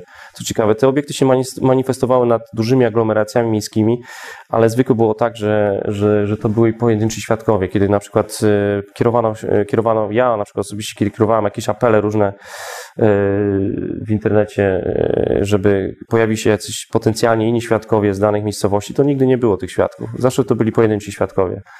Tu mam jeszcze przykład taki e, inny. Tak. na wyparcie, proszę pana, zjawiska, które potwierdza jedna osoba spośród czterech obecnych. Aha. Po latach um, tylko ta osoba pamiętała ten fakt, natomiast pozostałe absolutnie zaprzeczały. Że nic nie widziały, tak? Oczywiście. Natomiast to też jest opisane przez pana Blanie, Aha. żyjącego już. Tak, tak, tak. Oraz parę innych. Jeszcze też warto jest karta miejscowość Pierunów. Też niedaleko. Pierunów, nie, nie słyszałem o tym. No tam też UFO, gdzie są Aha. y, sprawozdania i zapisy dostępne. Mhm. Więc pan to zjawisko jest dosyć interesujące z uwagi nie tylko na technologię, ale również na Mhm. psychologię.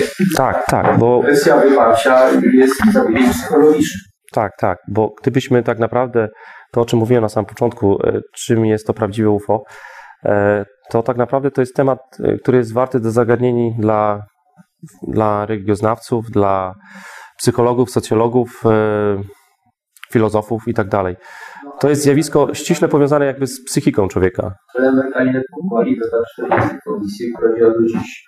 y, Jest to nadrządowa komisja, ale rzeczywiście nawet taki świadek jak Carter, były prezydent USA, który był bezpośrednio świadkiem takiego wydarzenia, po spotkaniu się z właśnie przedstawicielem tej komisji dowiedział się, że się raczej już dał spokój nie interesował tymi rzeczami, bo to nie jest jego zakresie. Mhm. Można sobie wyobrazić, i, i jak ta sytuacja mogła zabrzmieć. Mhm. Mhm. Więc wie pan, Mhm. że można tutaj pewne rzeczy wyodrębnić z tych wszystkich zjawisk, które Pan wspomina, Mhm. jako bardziej prawdopodobne, ale odbiegające od kwestii zjawisk religijnych przy podłożu Ja bym powiedział, że te zjawiska się lubią dopasowywać w ogóle do, e, do dane, danego momentu historycznego, tak jak już wspomniałem, i do, odwołuje się poprzez symbolikę. I ta symbolika po prostu dociera do, do właściwego odbiorcy. Mieliśmy objawienia maryjne, o których mówiłem, i tutaj mieliśmy symbolikę religijną, prawda? Cofając się dalej do historii, Ezachiel, symbolika też religijna, prawda? E, Współcześnie mamy kosmitów, tak? E, Chociaż ten wizerunek już też jest troszeczkę wypierany. E, Chciałem jeszcze Państwu tu pokazać e, inne takie zdarzenie tutaj z Państwa okolic. Gdzie mi ta myszka uciekła? A, jest tutaj, dobra. E, To jest takie ciekawe zdarzenie, które miało miejsce w 2013 roku w okolicach Bełchatowa. Trójka chłopaków wyjechała sobie właśnie niedaleko tej kopalni, która tam jest, to jest kopalnia od, odkrywkowa, zdaje się. Ja tam byłem osobiście akurat w tym miejscu, dokumentowałem to zdarzenie. Zobaczyła nisko lecące właśnie taki, takie dwa obiekty. Znaczy to jest, to jest ilustracja jednego obiektu, ale to były dwa identycznie wyglądające obiekty, które przemieszczały się jeden obok drugiego i były oświetlone po prostu jak choinka. Rzucały się po prostu, no, no nie było w sposób tego nie zobaczyć, jak mi to opisywał jeden ze świadków. To było tak rzucające się w oczy, że to ich, to ich po prostu uderzyło. Eee, I te obiekty były też gigantyczne. Miały po prostu według ich relacji gdzieś może nawet 100 metrów średnicy, długości. Przepraszam. I, I one sobie poleciały w kierunku kopalni, przyleciały sobie na tą kopalnią i gdzieś tam poleciały dalej. Też brak innych świadków. Tylko ci trzej, którzy, którzy opisywali to mniej więcej podobnie. Oni są? Nie, nie, to nie jest zdjęcie, żeby było jasność. To jest ilustracja poglądowa. To jest ilustracja zrobiona przez grafika na podstawie relacji. To nie jest zdjęcie. To może wygląda dosyć tak, yy, tak fajnie, ale to jest tylko poglądowe, także proszę się nie sugerować, że to jest zdjęcie. Yy, także i w ostatnich latach yy, mieliśmy, w ostatnich latach, w tym roku mieliśmy taką ciekawą falę UFO, też trochę taką zakamuflowaną, yy, ale tym razem troszeczkę innej maści, bo na przykład yy, od stycznia tego roku do, yy, do kwietnia mniej więcej sporo relacji do ufologów płynęło z okolic Mazowsza, ale zresztą nie tylko. Chyba nawet były też pojedyncze przypadki tutaj z województwa łódzkiego, gdzie ludzie obs- obserwowali pojawienie się właśnie takich jakby kulistych obiektów, które przypominały flary wojskowe, ale nie do końca były flarami wojskowymi, bo przede wszystkim e, często były to zjawiska obserwowane z dużej odległości, ale bardzo dobrze się rzucały w oczy, były mocno oświetlone, ułożone przeważnie w linii prostej, takie kule, jakby nie kule.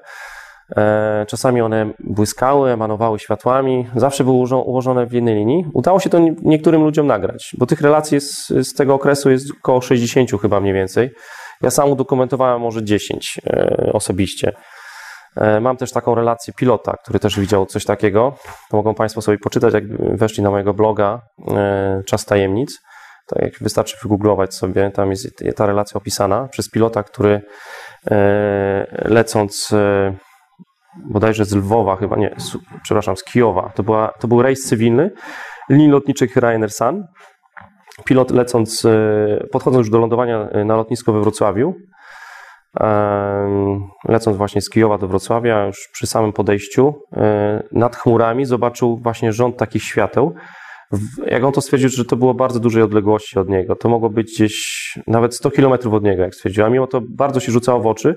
Zachmurzenie było całkowite nieba, ale samolot znajdował się jeszcze na wysokości nad chmurami, więcej gdzieś 6-7 kilometrów i na takiej samej wysokości te obiekty były, tylko że w oddalonej dosyć sporej odległości. On stwierdził, że to mogło być gdzieś na wysokości Karpacza albo gdzieś na granicy polsko-czeskiej. E, I on coś takiego zobaczył. Osłupiał, pokazał to, był pierwszym oficerem, pokazał to kapitanowi. Kapitan był trochę sceptyczny i stwierdził, że, że to raczej nic interesującego. Trzeba się skupić na, na procedurze lądowania. prawda? Więc po prostu jak już zeszli w chmury, to stracili to z pola widzenia, prawda? I takich właśnie relacji było sporo i te, te obiekty przypominały w ogóle trochę flary wojskowe. Kiedy kontaktowaliśmy się gdzieś e, z, z wojskiem polskim, e, z rzecznikami prasowymi, żeby coś powiedzieli, czy w ogóle są jakieś testy wojskowe w tym czasie, bo przecież społeczeństwo może się martwić o swoje bezpieczeństwo, że może coś się dzieje, prawda? A my o tym nie wiemy. Zawsze były przeczące odpowiedzi, że absolutnie nic się nie dzieje, nic o tym nie wiedzą, ale sobie zanotowali to i e, gdyby się to pojawiło, to proszę dać znać. E, my, się, my pojedziemy w to miejsce. Tak, e, takie były odpowiedzi, wiedzą Państwo, także podejście trochę ignoranckie, a przecież to dotyczyło, jakby nie patrzeć, bezpieczeństwa narodowego, prawda? No tak, oczywiście, bo właśnie chciałem, chciałem do tego wątku przejść, prawda? Bo jeśli chodzi o UFO, to z tym się wiąże ściśle temat dotyczący bezpieczeństwa narodowego. E, I ten temat był już podejmowany dawno temu, tak jak Pan mówi, e, projekty wojskowe różnej maści, które się zajmowały badaniem UFO, istniały od, od dziesięcioleci. Pierwszy taki projekt ruszył w Stanach Zjednoczonych właśnie w 1947 roku, mniej więcej na skutek właśnie tej masowej fali tych latających spotków, która zaczęła się manifestować nad Ameryką w 1947 roku.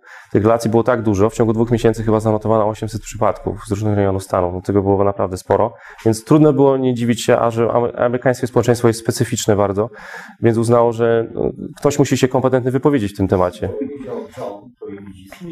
Tak, tak, dokładnie. Tacy są Jankajsi, tak.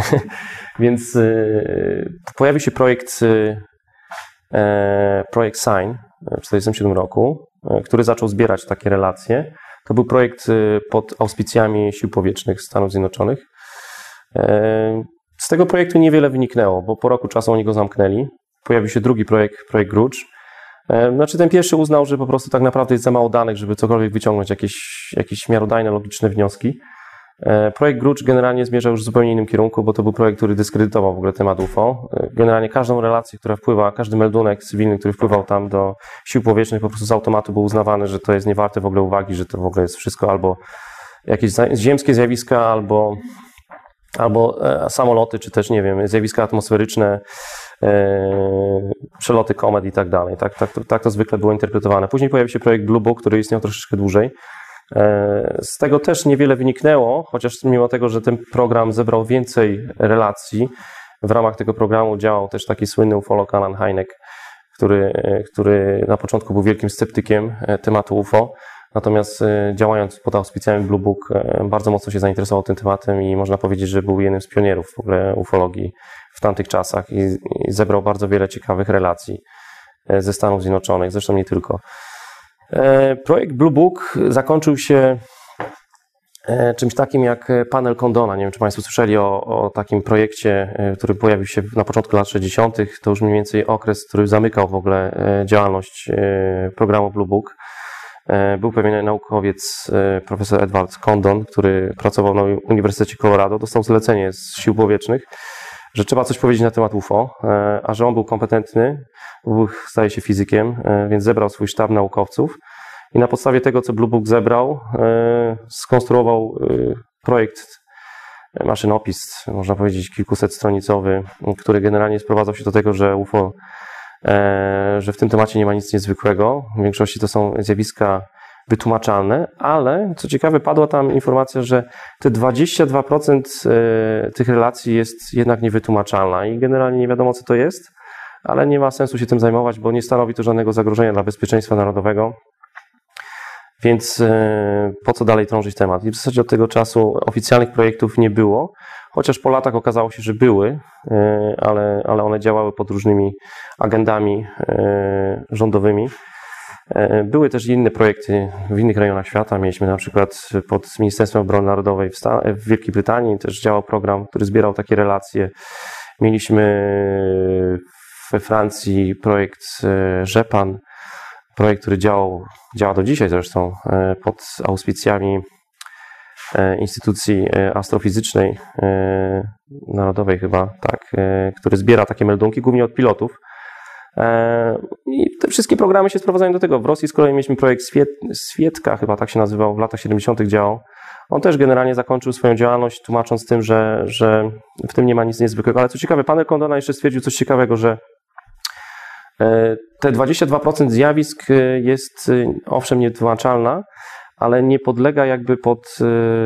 Y, Jest to na tyle nieuchwytne, że nie da się tego badać w sposób naukowy, empiryczny. I to było bardzo ciekawe stwierdzenie, bo właśnie kiedy ja na przykład y, podsumowuję swoje badania, to też dochodzę do pewnego wniosku, że te zjawiska e, są na tyle nieuchwytne, że w sposób stricte naukowy ich się nie da dokumentować. Także słowo ufolog to jest tak naprawdę taki trochę wymysł dziennikarski.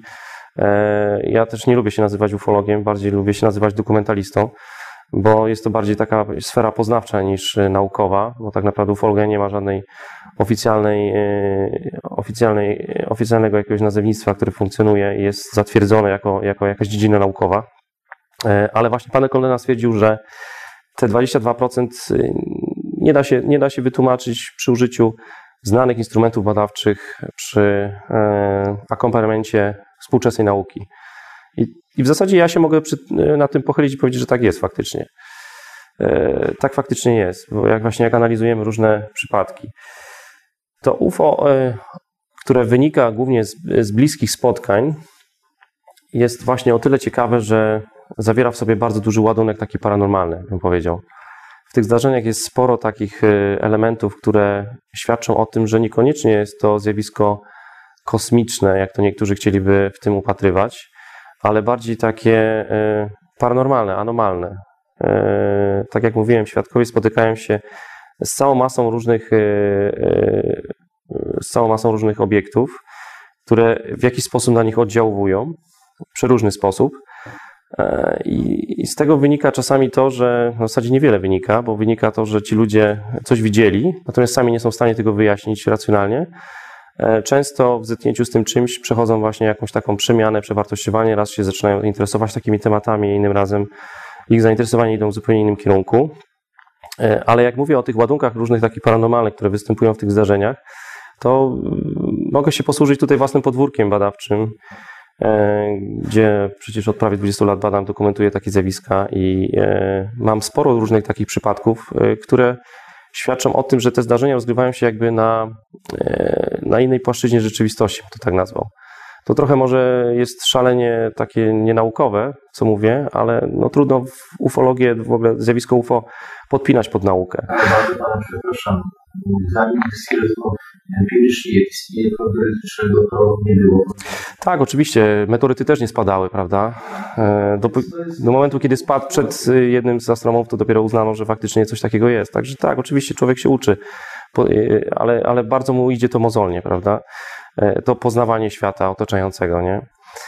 E, Jest takie ciekawe zdarzenie, e, które pochodzi z mojego archiwum, ze Szklarskiej Poręby. W, w 78 roku w Szklarskiej Porębie dwójka ludzi widziała taką kulę. Wyglądała troszeczkę jak taka szklana kula. To coś pojawiło się na wysokości Śnieżnych Kotłów, to jest taki masyw górski w Karkonoszach. Dwójka e, mężczyzn jadąca samochodem, oni pracowali wtedy e, dla nieistniejącej już e, huty szkła. Dowozili, dowozili obiady dla pracowników, jadąc właśnie z taką ciężaróweczką, wąską drogą. Wtedy to była taka wąska droga, teraz już to troszeczkę inaczej to wygląda, jest to bardziej rozbudowane.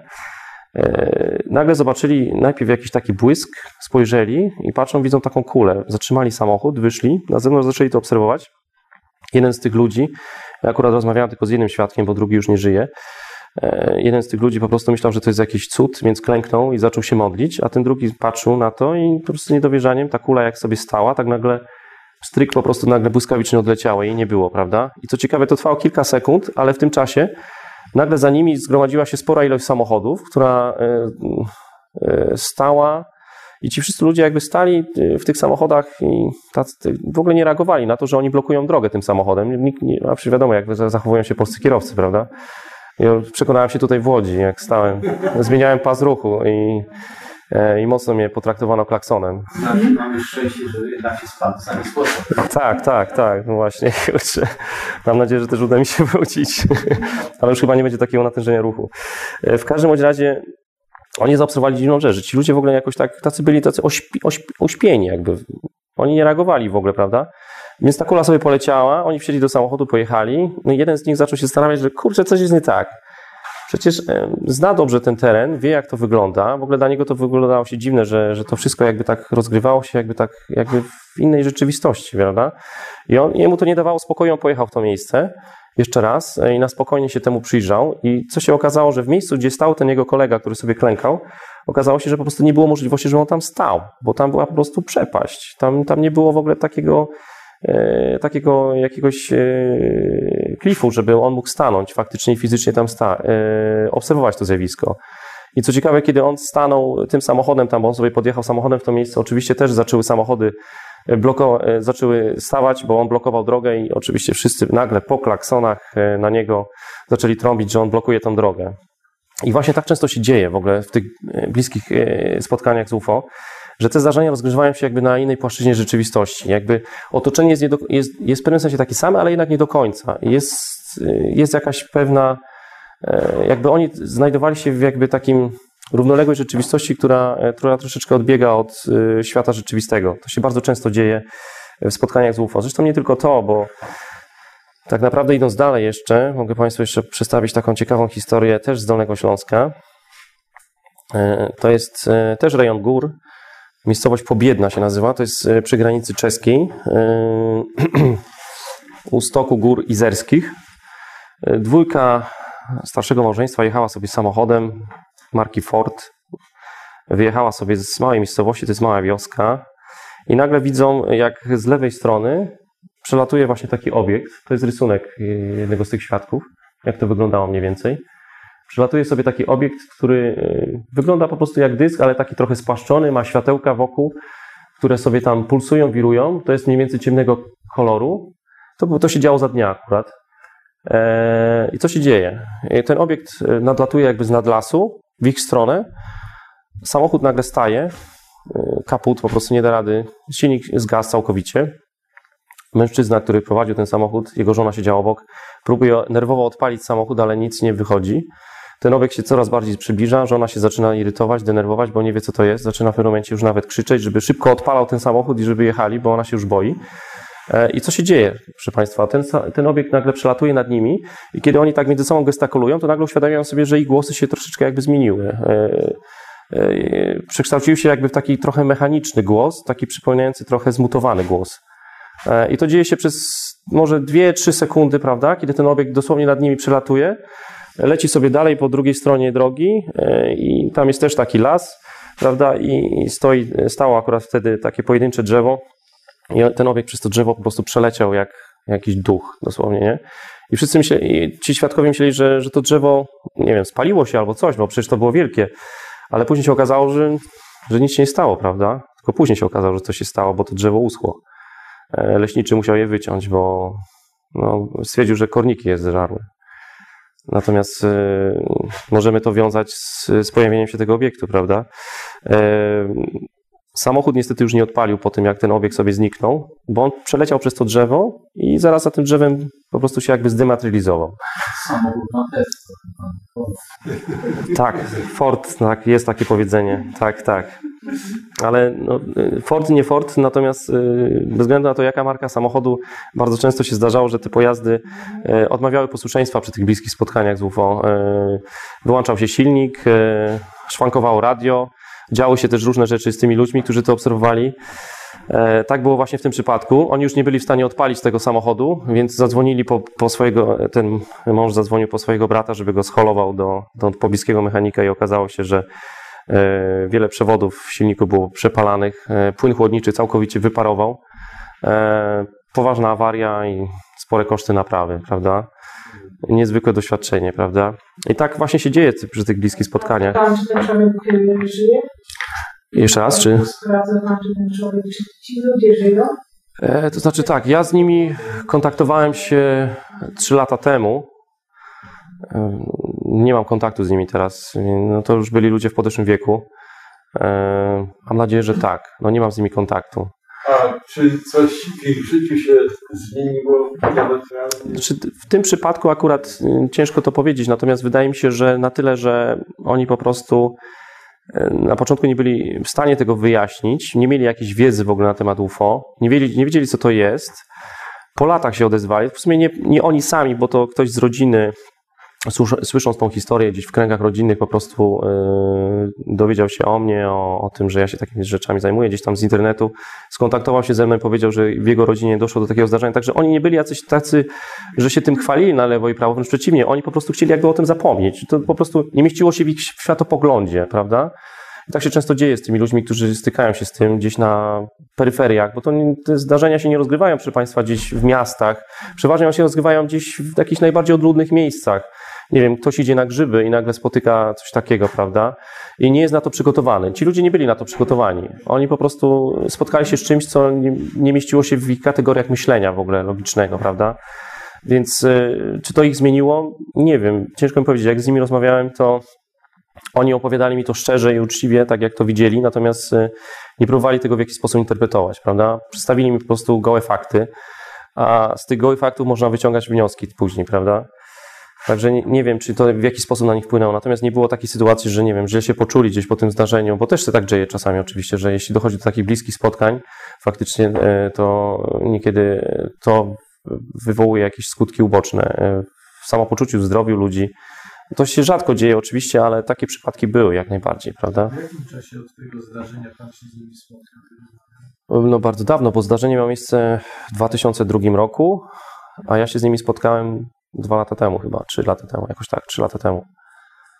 Także no trochę czasu minęło od, od momentu zdarzenia, także jak ja tam byłem, to już nie miałem możliwości nawet, no nie było sensu w ogóle robić jakiejś takiej wizji lokalnej, żeby, nie wiem, szukać tego drzewa czy, czy coś takiego, no nie byłem na świeżo na miejscu zdarzenia. No szkoda, że nie udało mi się dotrzeć do tego zdarzenia jeszcze na gorąco, prawda? Słucham? Świeży to jaki termin? Bo kiedy jest świeży termin? No naj, jak najszybciej, prawda? E, na przykład ostatnio, ostatnio, też jakiś czas temu dokumentowałem zdarzenie, które też się rozegrywało na Dolnym Śląsku e, koło Głogowa, w takiej miejscowości Głogówek, gdzie pani widziała taką kulę, która lądowała nad, nad lasem. Ona wysyłała takie różne jakby takie iskry, które opadały na, na ten las. E, I później następnego dnia z mężem poszła w to miejsce i okazało się, że w ściółce leśnej jest taki wygnieciony e, krąg, e, który przypomina trochę jakby odcisk od opony, prawda? Ale to tak nie do końca to wyglądało jak opona. E, I było dosyć dziwne i udało się to, w to miejsce dotrzeć praktycznie no, pięć czy ileś dni, to chyba było po zdarzeniu.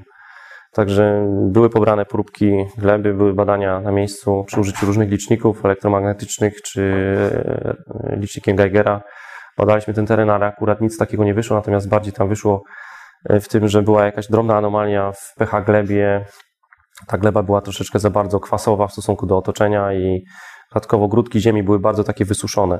Jeszcze dodatkowo tam znaleźliśmy jakieś takie dziwne grudki, e, niby metalowe, ale nie do końca. E, Puściliśmy to dalej w obieg, no ale niestety no, nikt się tym nie zainteresował ze środowiska naukowego, żeby podjąć jakieś badania. Bo niestety tak się dzieje w Polsce, że, szanowni Państwo, że generalnie no, środowisko naukowe się tym mało interesuje, e, bo bardzo często ma te klapki na oczach. E, I tak naprawdę, gdy chce się przeprowadzić jakieś takie fachowe badania, mając do, do czynienia z jakimś świeżym dowodem, e, empirycznym dowodem, to niestety trzeba włożyć pieniążki z własnej kieszeni, żeby przeprowadzić takie badania, zlecić to jakiemuś laboratorium i tak dalej. No niestety zupełnie inaczej to wygląda w innych rejonach świata, prawda? Słucham? Od marca do dzisiaj to by było. Ale co od marca do dzisiaj? Stwierdzić, czy coś można znaleźć, tak? No nie wiem, zależy co to było. Czasami promieniowanie się utrzymuje jeszcze jakiś czas, chociaż rzadko, ale, ale czasami jest. W tych marcowych wydarzeniach na Mazowszu. Aha, bo Pan mówi o tym, tylko że to były obserwacje dalekie, tam nie było jakby takiego wpływu na otoczenie. Mogę stwierdzić, o takich odległościach jak stąd do tego okna, które widzę za oknem. No. No to nie, to nie jest daleko, to jest bardzo blisko. To jest kilka metrów, także... Tak, no i właśnie Pan- ja takie obserwacje miałem. Aha, no to ciekawe. To z chęcią z Panem bym zamienił słowo później, jeśli jest możliwość. Ale oni tak szybko Tak? przyjechali, że Aha. sprzętu kolorowego nie A, o proszę. Kamerki jakieś mieli, takie te fury. Aha, aha. I Pan coś widział z bliska, tak? I to w jakiś sposób na Pana wpłynęło, czy nie? Możemy porozmawiać. No to dobrze, okej, na spokojnie. Jasne. A w jakiej miejscowości to było? Kopłańska. A chyba nawet słyszałem coś o tym. Nie wiem, czy... Nie wiem, czy Pana relacja gdzieś tam nie wypłynęła gdzieś. e, Zagórskim. Aha, aha, to chyba, chyba nawet kojarzę sprawę w takim razie. Mniej więcej. Także to, to jest ciekawa sprawa pobiedna. Mam jeszcze też taką, którą chciałem Państwu, czas nas niestety ogranicza. Dlatego tak wspomniałem o po prostu wiem, nad którym Mhm. razem dokładnie to było. Mhm, mhm. No to z chęcią z Panem porozmawiam na spokojnie. Tutaj z kolei mamy inne zdarzenie z lat 70. E, też Dolny Śląsk, okolice Wrocławia, miejscowość Smągorzewo. E, pani, e, wtedy wówczas dziecko, kino- 13-letnia chyba dziewczynka, widziała lądowanie takiego obiektu, który wylądował na jej podwórku. Miał średnicę może 5-6 metrów, taką ładną kopułkę u góry miał, światełka wokół. To coś wylądowało przed nią w odległości może, nie wiem, 15-20 metrów. E, I ona stała jak usupiona, akurat była sama wtedy na swoim podwórku, jej rodzice dziś pojechali. Właśnie też często, często tak się dzieje, że te zdarzenia się mają miejsce właśnie w nieoczekiwanych momentach, kiedy chciałoby się na przykład złapać aparat, zrobić zdjęcie, to nie ma tego aparatu. Albo czasami jest tak, że ktoś mówi, wie pan co, no widziałem coś takiego, ale miałem telefon, ale nie wiem dlaczego nie pomyślałem, żeby go wyciągnąć i, i, i zrobić zdjęcie. Bo możemy pomyśleć sobie, no niewiarygodny człowiek, tak? No, Wymyśla. Ale to jest właśnie jakby taka mentalna blokada, wie pan, yy, w tym wszystkim. I tutaj doszło do, ciekawego, do ciekawej sprawy, bo ten obiekt sobie wylądował, nawet się zbił trochę kurz jakby od momentu, kiedy wylądował, więc możemy domniemywać, że to było coś materialnego, fizycznego, co zamanifestowało się przed tą dziewczyną wówczas. Yy, I te światełka, które tak sobie ładnie migały, nagle ona dostała jakby takiego uderzenia, obucha, jakby, jakby ją jakieś gorące powietrze uderzyło nagle od tego obiektu. E, I, ona weszła jakby taki dziwny kontakt jakby telepatyczny z tym obiektem. Nie to, że ona słyszała jakieś głosy, bo tak też się dzieje czasami przy takich zdarzeniach, ale tutaj ona miała jakby możliwość wpływania na ten obiekt.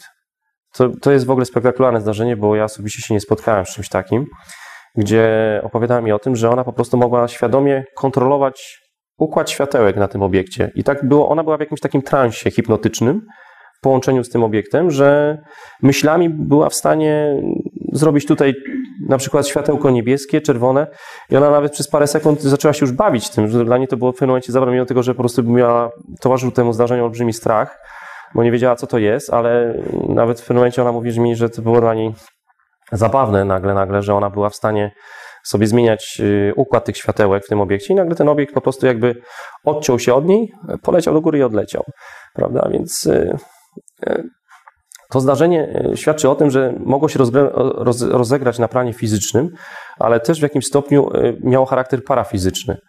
I tak właśnie się dzieje z tymi, y, z tymi obserwacjami UFO, że one raz, że się rozgrywają na innej płaszczyźnie rzeczywistości, e, kiedy na przykład otoczenie jest zupełnie inne. Czasami świadkowie mówią o tym, że jest dziwna cisza e, wokół, wokół nich, kiedy to obserwują. E, Takie zdarzenie właśnie dokumentowałem kiedyś w Wojcieszowie, to jest też województwo dolnośląskie.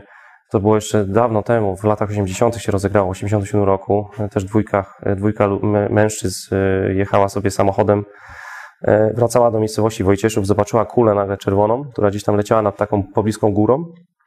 Zaczęła jakby zniżać się, oni pojechali w to miejsce i okazało się, że z tej kuli nagle się przy, przeobrazi, ta kula się przeobraziła jakby w taki ciemny ekran, który osiadł sobie na pobliskiej łące przed lasem.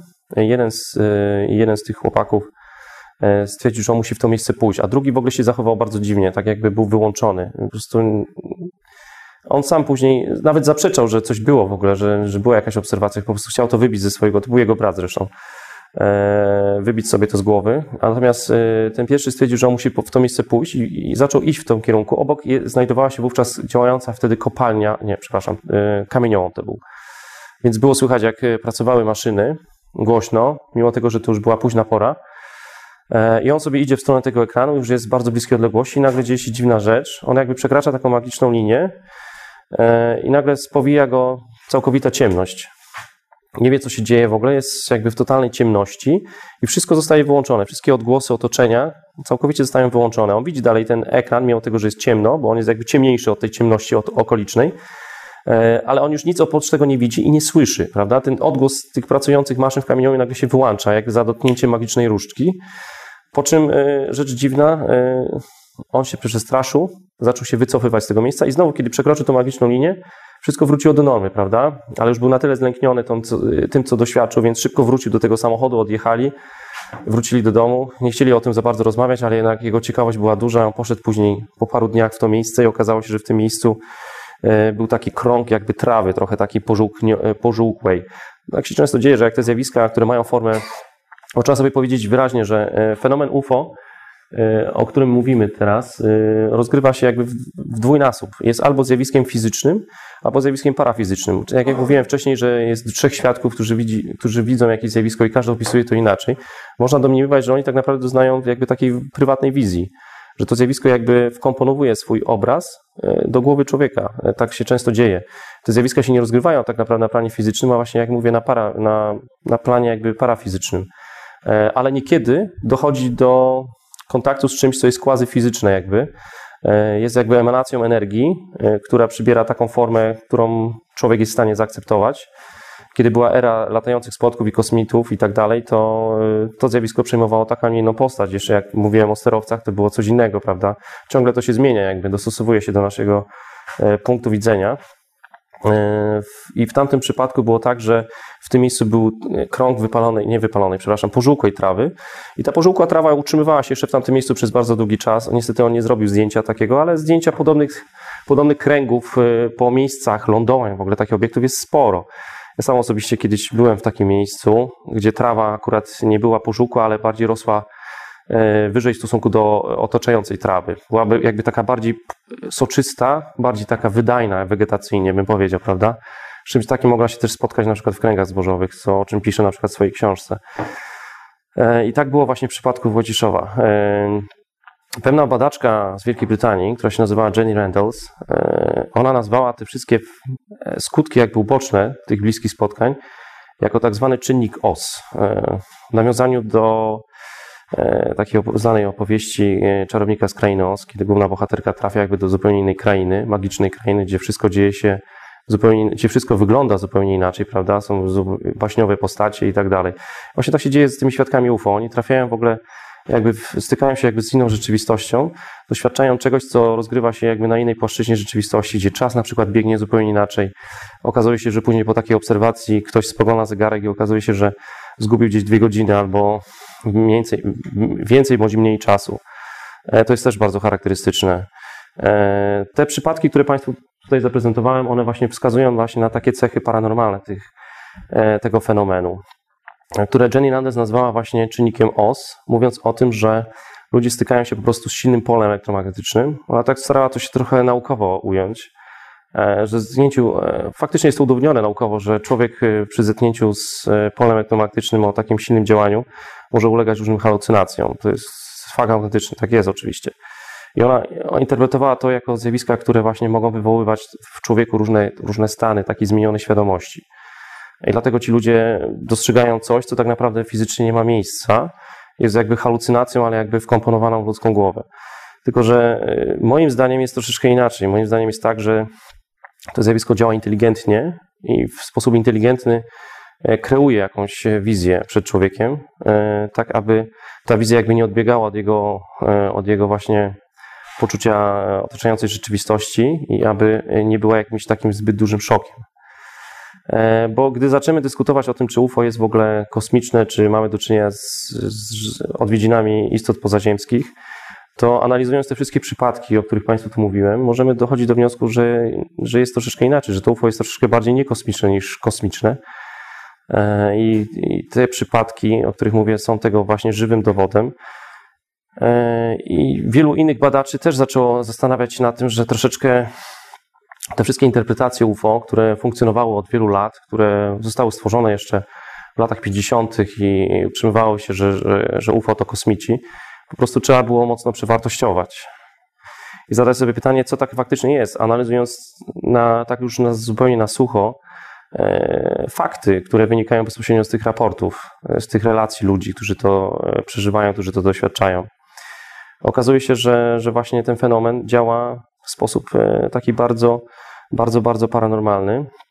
Jest taki badacz UFO e, z Francji, on w zasadzie mieszka w Stanach Zjednoczonych, nazywa się Jacques Vallée, e, który myślę wydaje tak w sposób bardzo kompleksowy e, i nawet naukowy ujął problem UFO, wychodząc z założenia, że jest zjawiskiem bardziej parafizycznym niż e, fizycznym, szczególnie mając tutaj na względzie właśnie te e, kontakty ludzi, bliskie kontakty, nawet szczególnie wzięcia, e, doszedł do wniosku, że coś w tym jest nie tak, bo przeanalizował ilość bliskich lądowań UFO i okazało się, że na przestrzeni nawet 10 lat ich było po prostu setki tysiące.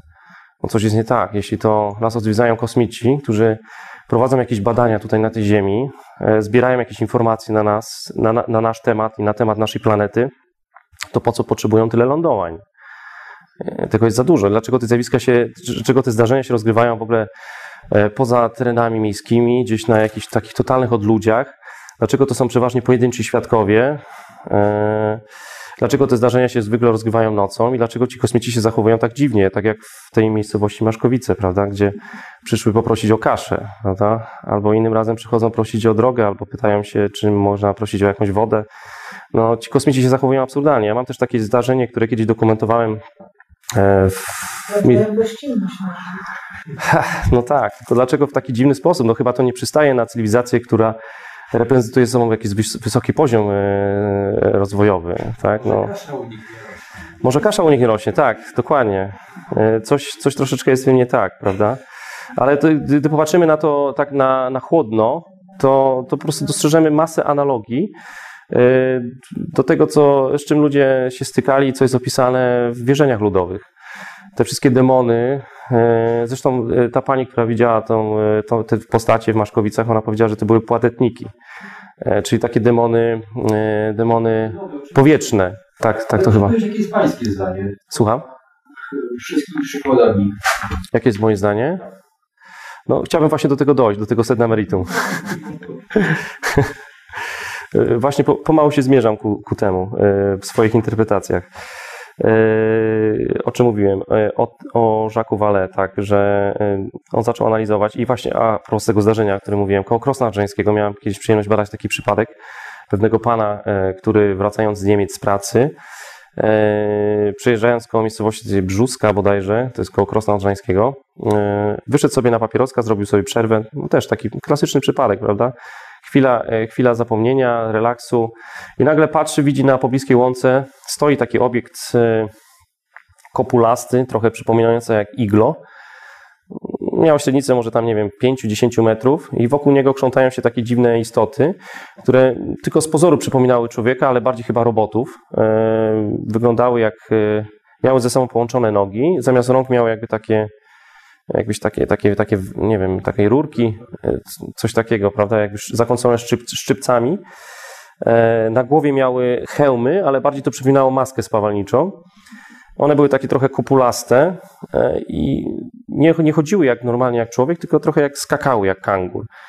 I one sobie tak chodziły, albo inaczej skakały wokół tego obiektu. On stanął tam za pobliskim krzakiem, zaczął się temu przyglądać i po prostu nie wierzył, co widzi. Papieros mu wypadł z buzi. E, I, I ciekawa rzecz, e, te istoty miały jakby, niektóre przynajmniej miały w ręku jakby taką jakąś pałeczkę, różdżkę i sobie jakby tak kucały, dotykały tych roślin, które tam gdzieś tam rosły, jakby robiły jakieś badania, prawda? I w pewnym momencie on nagle potknął się, jakaś gałązka się złamała i stracił przytomność. I kiedy odzyskał ją, to już niczego nie było widać, prawda? Wsiadł do samochodu i pojechał. Później się okazało, że, że gdzieś troszeczkę mu czas zaginął e, w tym zdarzeniu. I to jest właśnie dowód na to, jakie absurdy towarzyszą tym bliskim spotkaniom, prawda? Że niby e, kreują się no, absurdy w tym sensie, że e, moglibyśmy się spodziewać, oczekiwać czegoś, e, nie wiem, takiego logicznego, czego z naszego punktu widzenia, tak. Natomiast rzecz jest zupełnie inna. To, to, jest takie groteskowe troszeczkę, nie? Chochlicze bym powiedział, dlatego to jest takie nawiązanie do, do tych wierzeń ludowych, do tych demonów, które nas nawiedzały kiedyś. I one w zasadzie też nas gdzieś tam nawiedzają, bo jakby Państwo troszeczkę się wczytali w temat, to jest coś takiego jak żywy folklor. Bo jest folklor, który jest znany, folklor, prawda, e, który bazuje na różnych relacjach ludowych, e, jest spisany, ale gdybyśmy się doszukali, to okazuje się, że niektórzy ludzie też widują w ogóle dziwne takie postacie. Ja sam badałem taki przypadek, do którego sam nie wiedziałem, jak podejść logicznie, ale nie mogłem uznać inaczej, że ten człowiek, który mi to opowiada, jest wiarygodny. W miejscowości Miastko, to jest też taka mała wioska, e, w tym razem w województwie wielkopolskim. On sobie wracał od spotkania ze znajomymi, przechodził przez las i nagle e, idąc sam, późną porą, nocą, znał tą drogę doskonale, przez wielokrotnie nią przechodził późnymi porami i nagle doznał takiego właśnie dziwnego stanu tego czynnika OS, o którym tam mówiła ta Jenny Randles, badaczka UFO. Nagle zrobiło się strasznie cicho, wszystkie odgłosy przyrody ustały. E, on się zatrzymał na chwilę, zobaczył, usłyszał raczej w pobliskich krzakach, że coś się szamota i nagle z tych krzaków wypadły takie takie niskiego wzrostu postacie, metra dwudziestu może, e, które miały jakby takie brody i, i one jakby rzuciły się na niego. W pewnym momencie przewróciły go. On nawet nie zdążył, się, nie zdążył zareagować, bo czuł się sparaliżowany wręcz. Nie wiadomo, czy przez strach, czy, czy, czy to zjawisko na niego jakoś wpłynęło. Ale one, one go przewróciły i on stracił przytomność. A kiedy odzyskał tą przytomność, okazało się, że dziwna rzecz, nie miał butów. Okazało się, że no, widzą, widzą Państwo, co się dzieje, tak? Że, e, że to jest taka natura chochlicza troszeczkę, nie? On nie miał butów, przestraszył się i na bosaka, a miał niedaleko do tego domu, chyba 400 metrów, przebiegł na bosaka do domu i następny dzień on był tak przerażony tą historią, bo myślał, że on spotkał diabła w lesie. On myślał, że spotkał diabła w lesie, że, że to diabły go napadły. E, I on oczywiście miał wtedy, nie wiem, może 15-16 lat, e, opowiedział o tym swoim rodzicom. Ci go oczywiście stwierdzili, że popił sobie i, i wrócił na bosaka do domu i nic nie pamięta i wymyśla sobie głupie historie, ale był tak przerażony tym, że nawet zaczął później siwieć e, w młodym wieku. I następnego dnia poszedł do kościoła pomodlić się, bo stwierdził, że, że go napadł diabeł. Także tak, zależy jak to interpretujemy, szanowni Państwo, ale każdy człowiek te zdarzenie interpretuje zgodnie ze swoim światopoglądem, prawda? I ten e, światopogląd jest też kształtowany przez to zjawisko w jakiś sposób, bo te bodźce, które, ta symbolika, która wynika z tych, e, z tych relacji, z tych spotkań, jest e, często jednoznaczna w stosunku do tego, co, co byśmy oczekiwali od takiego spotkania z czymś nieziemskim. To jest plastyczne bardzo. Spotkał bezpośrednio z takim zjawiskiem, prawda? Tak, tak. Słucham? Czy ja się spotkałem? No opowiadałem o tym, tak, o swoim doświadczeniu. No i właśnie, jak to zmieniło Pańskie podejście? No tym, że ja się tym bardzo mocno zainteresowałem i to mnie, to mnie dotknęło bardzo osobiście i zajmuję się tym, czym się zajmuję od wielu lat. Także wpłynęło to na mnie w jakiś sposób. I tak się właśnie dzieje często z tymi ludźmi, którzy doświadczają tego, to, to wpływa na nich w różny sposób. Ja bym powiedział wręcz, że bo Jacques Vallée, o którym mówiłem, on nazwał e, to zjawisko parafizyczne w odniesieniu do tego, że jest to plastyczne zjawisko, które ma formę jakby takiego systemu kontroli. E, on to nazwał taką formą systemu kontroli, e, która niekoniecznie może mieć formę kosmitów, ale może mieć formę czegoś zupełnie innego. Może mieć formę, nie wiem, jakiejś inteligencji, która przybywa do nas z różnej rzeczywistości, prawda? Która tworzy jakby taki homeostat w stosunku do nas i na nas wpływa w różny sposób, oddziałuje na nas. E, daje nam jakby takie pstryczki, czasami cywilizacyjne nawet, prawda, w stosunku do tych relacji, o których mówiłem. E, on to nazwał właśnie systemem kontroli, e, w tym sensie, że jest to jakby taka postbiologiczna siła, która może na nas oddziaływać i ja się z nim w zasadzie zgadzam. Po wielu latach z własnego doświadczenia, z własnego podwórka dochodzę do podobnych wniosków, co on, kiedy badał to zjawisko jeszcze w latach 70. XX wieku, prawda, jeszcze był taki inny znany badacz e, UFO, tym razem z Ameryki, e, John Keel. Nie wiem, czy Państwo słyszeli o nim.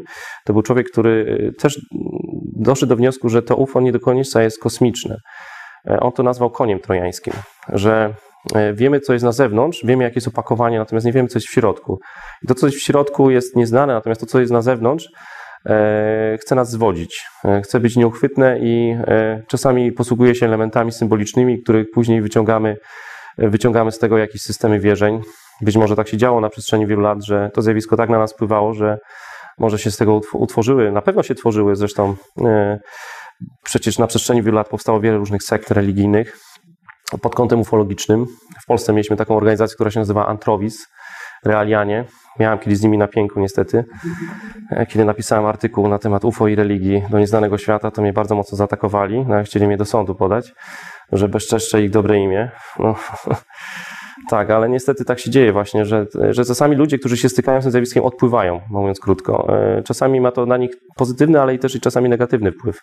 I czasami e, stają się takimi prorokami, takimi kontaktowcami, którzy zaczynają, tak Ezachiel tworzył, e, opowiadał o Słowie Bożym, prawda? Bo styknął się z czymś, co, co było mu znane. Współcześnie ludzie, którzy się z tym tykają, na przykład byli tacy kontaktowcy jak George Adamski, George Adamski tak, chyba tak się nazywał, zresztą Polak, e, który w Stanach Zjednoczonych był takim znanym kontaktowcem w latach 50., e, opowiadał, że ma kontakty z Wenusjanami, prawda? Jeszcze był inny Billy Mayer, e, Szwajcar. On z kolei twierdził, że ma kontakty z Plejadami, Plejadanami, przepraszam. Więc tak, tylko właśnie tak się dzieje często z tymi ludźmi, że oni odpływają. Oni bazują na jakiejś historii, która jest autentyczna, Ona faktycznie się wydarzyła w ich życiu, ale e, później nawet, żeby nawet otrzymać swoją sławę wokół swojej osoby, posługują się kłamstwem i oszustwem. Niestety tak się dzieje. Właśnie tak było w przypadku Majera, który tworzył swoje prototypy e, modeli i fotografował je i twierdził, że to UFO, prawda? Natomiast ziarno prawdy jakieś jest w jego historii, nie da się ukryć. Tak samo jak i w historii George'a Adamskiego. On z kolei opowiadał o Wenusjanach, ale tak mu to zjawisko się przedstawiło, prawda? Więc on tak to zinterpretował. I dlatego tak głosił to, swo, to swoje słowo, może nie Boże, ale kosmiczne, prawda?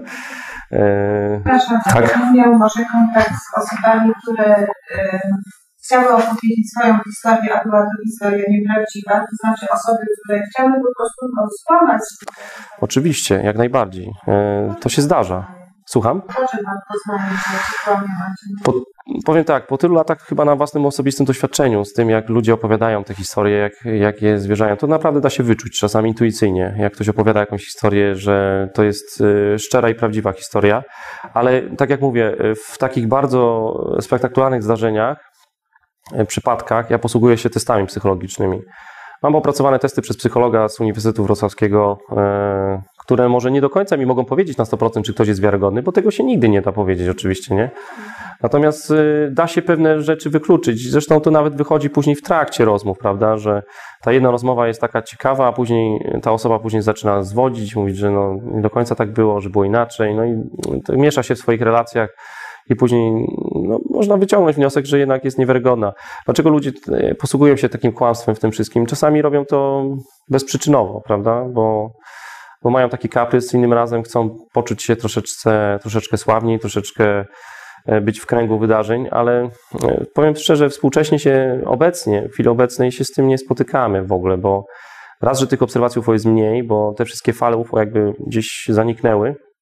Może one tam się przewijają pojedynczo, ale to tak naprawdę to są pojedyncze przypadki. E, Więc tych takich potencjalnych kłamców jest naprawdę niewiele. Naprawdę niewiele. A to, o czym mówimy, to, to jest na pewno zjawisko, które też wpływa na, na człowieka i może powodować nim poważne zmiany. Ja bym powiedział wręcz, że on oddziałuje tak troszeczkę transcendentalnie duchowo na ludzi. I ta duchowość jest różna, różnie ro- rozpatrywana. Niekiedy ona może przyjąć formę właśnie takiej stricte religijności, bo też mam takie przypadki. Mam na przykład człowieka, z którym teraz jestem w kontakcie, ze Szczecina, który twierdził, że e, przeżył kilka razy takie niecodzienne zdarzenia, one go bardzo osobiście dotknęły. E, Raz był świadkiem pojawienia się takich dwóch obiektów dyskoidalnych koło jego- swojego domu, innym razem z kolei miał takie klasyczne spotkanie typu bedroom visitors, czyli takie spotkania z jakimiś istotami takimi e, w sypialni, gdzie był totalnie sparaliżowany, widział jakieś postacie na balkonie. E, I on w tym, to się wydarzyło, te wszystkie zdarzenia, bo ich było znacznie więcej oczywiście, one się skumulowały w momencie, kiedy on e, bardzo mocno zaangażował się religijnie. E, Jest e, zielonoświątkowcem, z tego co kojarzę, i, i tak bardzo mocno się zaangażował religijnie, odszedł jakby od katolicyzmu, poszedł w stronę zielonoświątkowców e, i, i kiedy bardzo się wczytywał w pismo, był bardzo taki e, gorliwy, mo- modlił się, te zjawiska mu się zaczęły właśnie e, pojawiać. I one później zanikły, kiedy on już tak troszeczkę odszedł do tej religijności. I to jest też takie bardzo znamienne, prawda, że czasami e, człowiek wywołuje też te fenomeny. Niekiedy, właśnie w, poprzez swoją sensytywność. E, Czasami nieświadomie nawet. Czasami te zdarzenia się rozgrywają też w miejscach, w których często dochodzi do takich obserwacji UFO.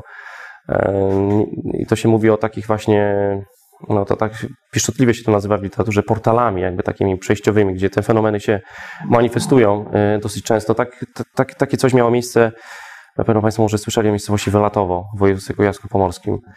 Tam na przestrzeni 2000-2005 pojawiały się kręgi zbożowe. Ja tam jeździłem też osobiście, dokumentowałem te wszystkie przypadki, e, rozmawiałem z ludźmi, a było ich bardzo wielu, którzy obserwowali różne, różne fenomeny świetne. Tych relacji były przeróżne, bardzo różnej maści. Był szeroki spektrum tych różnych obserwacji. Przeważnie to były jakieś kule, które ludzie obserwowali. Jak się później okazało, tych relacji było znacznie więcej. Zanim się te kręgi zbożowe zaczęły tam pojawiać, to, te zjawiska manifestowały się już w latach 70. Ludzie donosili o takich fenomenach, ale tak naprawdę te relacje gdzieś nie wypływały dalej. Dopiero za sprawą tych kręgów zbożowych, które się tam zamanifestowały, e, uświadomiliśmy sobie, że tam coś się dzieje. I to, to się działo przez moment, prawda? To się działo przez krótki moment, bo to było raptem parę lat, prawda? Teraz jakbyśmy tam pojechali, to w zasadzie już niewiele się słyszy o, o czymś takim właśnie jak latające kule, czy nawet, nie wiem, ludzie tam obserwowali dyski też, prawda? Różnej maści. To zjawisko się różnie e, manifestowało w różnej postaci. Ale dzieje się tak czasami, że na skutek jakby jakichś takich szczególnych właściwości e, te zjawiska się eskalują konkretnie w danym miejscu, później, po czym zanikają nagle z nie, niewiadomego powodu, prawda? Dlatego możemy domniemywać, że te fenomeny pochodzą jakby z równoległej rzeczywistości, są jakby inteligencją, która jest może tu i teraz, w tym momencie, ale działa jakby na zupełnie innych prawach fizyki, nie na koniecznie naszych. A kiedy ingeruje w naszą fizykę, to wtedy dochodzi do różnych takich anomalnych zdarzeń, prawda? Gdzie na przykład czas się e, trochę wydłuża albo skróca, ludzie doznają jakichś zmienionych stanów świadomości i tak się właśnie dzieje z tym, z tym UFO. Możemy się zastanawiać w ogóle, czym jest ludzka świadomość, prawda? Bo kiedy dyskutujemy o UFO, to musimy sobie zadać pytanie, co jest, e, co jest świadomością, bo jeśli ten fenomen wpływa jakoś na nas, na, na ludzi, którzy doświadczają tych zdarzeń, to obecne badania naukowe, fizyka kwantowa głównie się tutaj kłania, skłaniają się te badania ku temu, że ta świadomość niekoniecznie jest przypisana do mózgu, ale do, do jakby e, tej rzeczywistości nielokalnej, o której mówił e, David Bohm, fizyk z Wielkiej Brytanii, który był fizykiem kwantowym. On twierdził, że jest rzeczywistość jawna i niejawna. I to wszystko jest ze sobą połączone w jakiś sposób, w jakiś taki magiczny sposób. A fizyka kwantowa na, na, na poziomie makro kosmosu, że tak powiem, na, tych, na poziomie tych molekularnych cząstek, dowodzi, że to, co się rozgrywa tam na poziomie tych, tym mikroskopijnym, yy, to my się z tym spotykamy od, od zarania dziejów, jeśli mówimy o zjawiskach paranormalnych, jeśli mówimy o zjawiskach UFO, prawda? Yy, I to jest takie bardzo znamienne.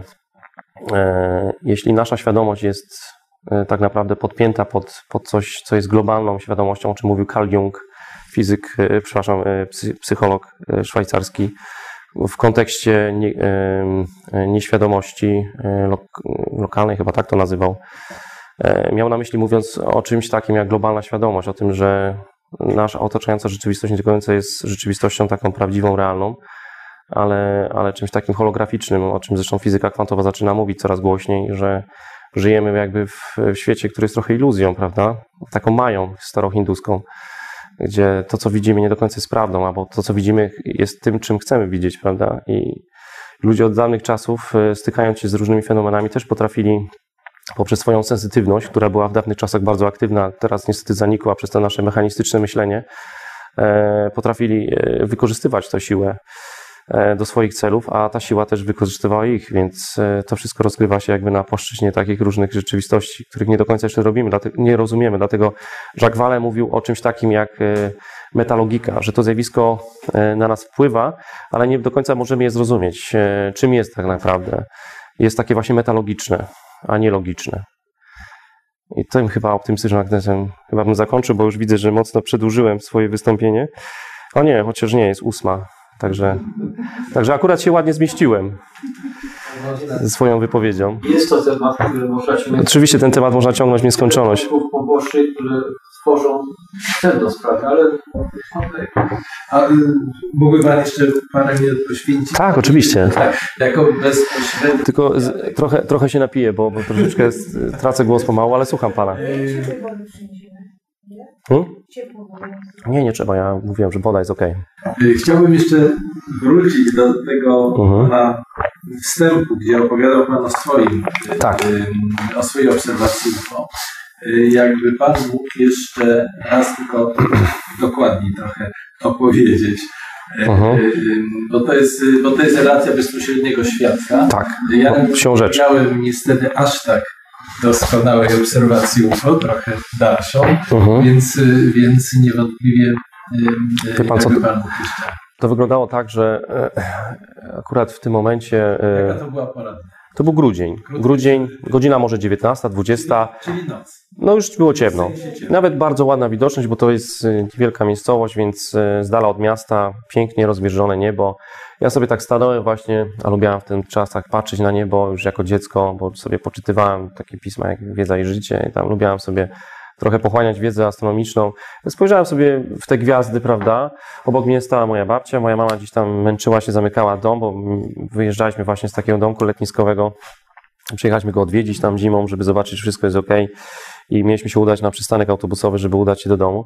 No ja sobie tak stanąłem, patrzę i nagle widzę, coś się rusza, prawda? Najpierw zobaczyłem jakiś taki światło, reflektora i myślałem, że to helikopter właśnie. Takie było moje pierwsze wrażenie, że to, że to coś leci i jest helikopterem, ale kiedy to się zbliżyło w moją stronę i to też zresztą potwierdziła moja babcia, że, że to wyglądało jak po prostu taki e, prostokąt, ale taki właśnie wydłużony prostokąt, trochę taki obły, Jak cygaro. jak cygaro, troszeczkę, tak. Ciemne, czarne, no nie wiem. E, ale mimo wszystko, że było ciemno, a to była jasna noc, to tak, to tak czy owak się to rzucało w oczy. Ale widział pan to na tle gwiazd? Czy na Tak, na tle gwiazd, na tle gwiazd. Nie na tle żadnego, y, żadnego obiektu, Nie, nie, nie, nie. drzewa, Nie, nie, nie. To przelatywało. e, dosyć wysoko. Czyli na tle To- gwiazd. Tak, tak jak patrzę teraz, właśnie to widzę to dosłownie przed swoimi oczami, to po prostu kierowało się w moją stronę i w pewnym momencie przeleciało nade mną. Jak przelatywało nade mną, czy, tak? czy leciało y, w, powiedzmy sobie w kierunku zgodnym z, z jego osią, czy jakoś Tak, leciało w prostej linii, w prostej linii leciało. Tak jak, tak jak jest oś, tak jak jest samolot, dokładnie tak, tak, tak jak jest kadłub samolotu, powiedzmy, to tak w takim kierunku, tak to leciało.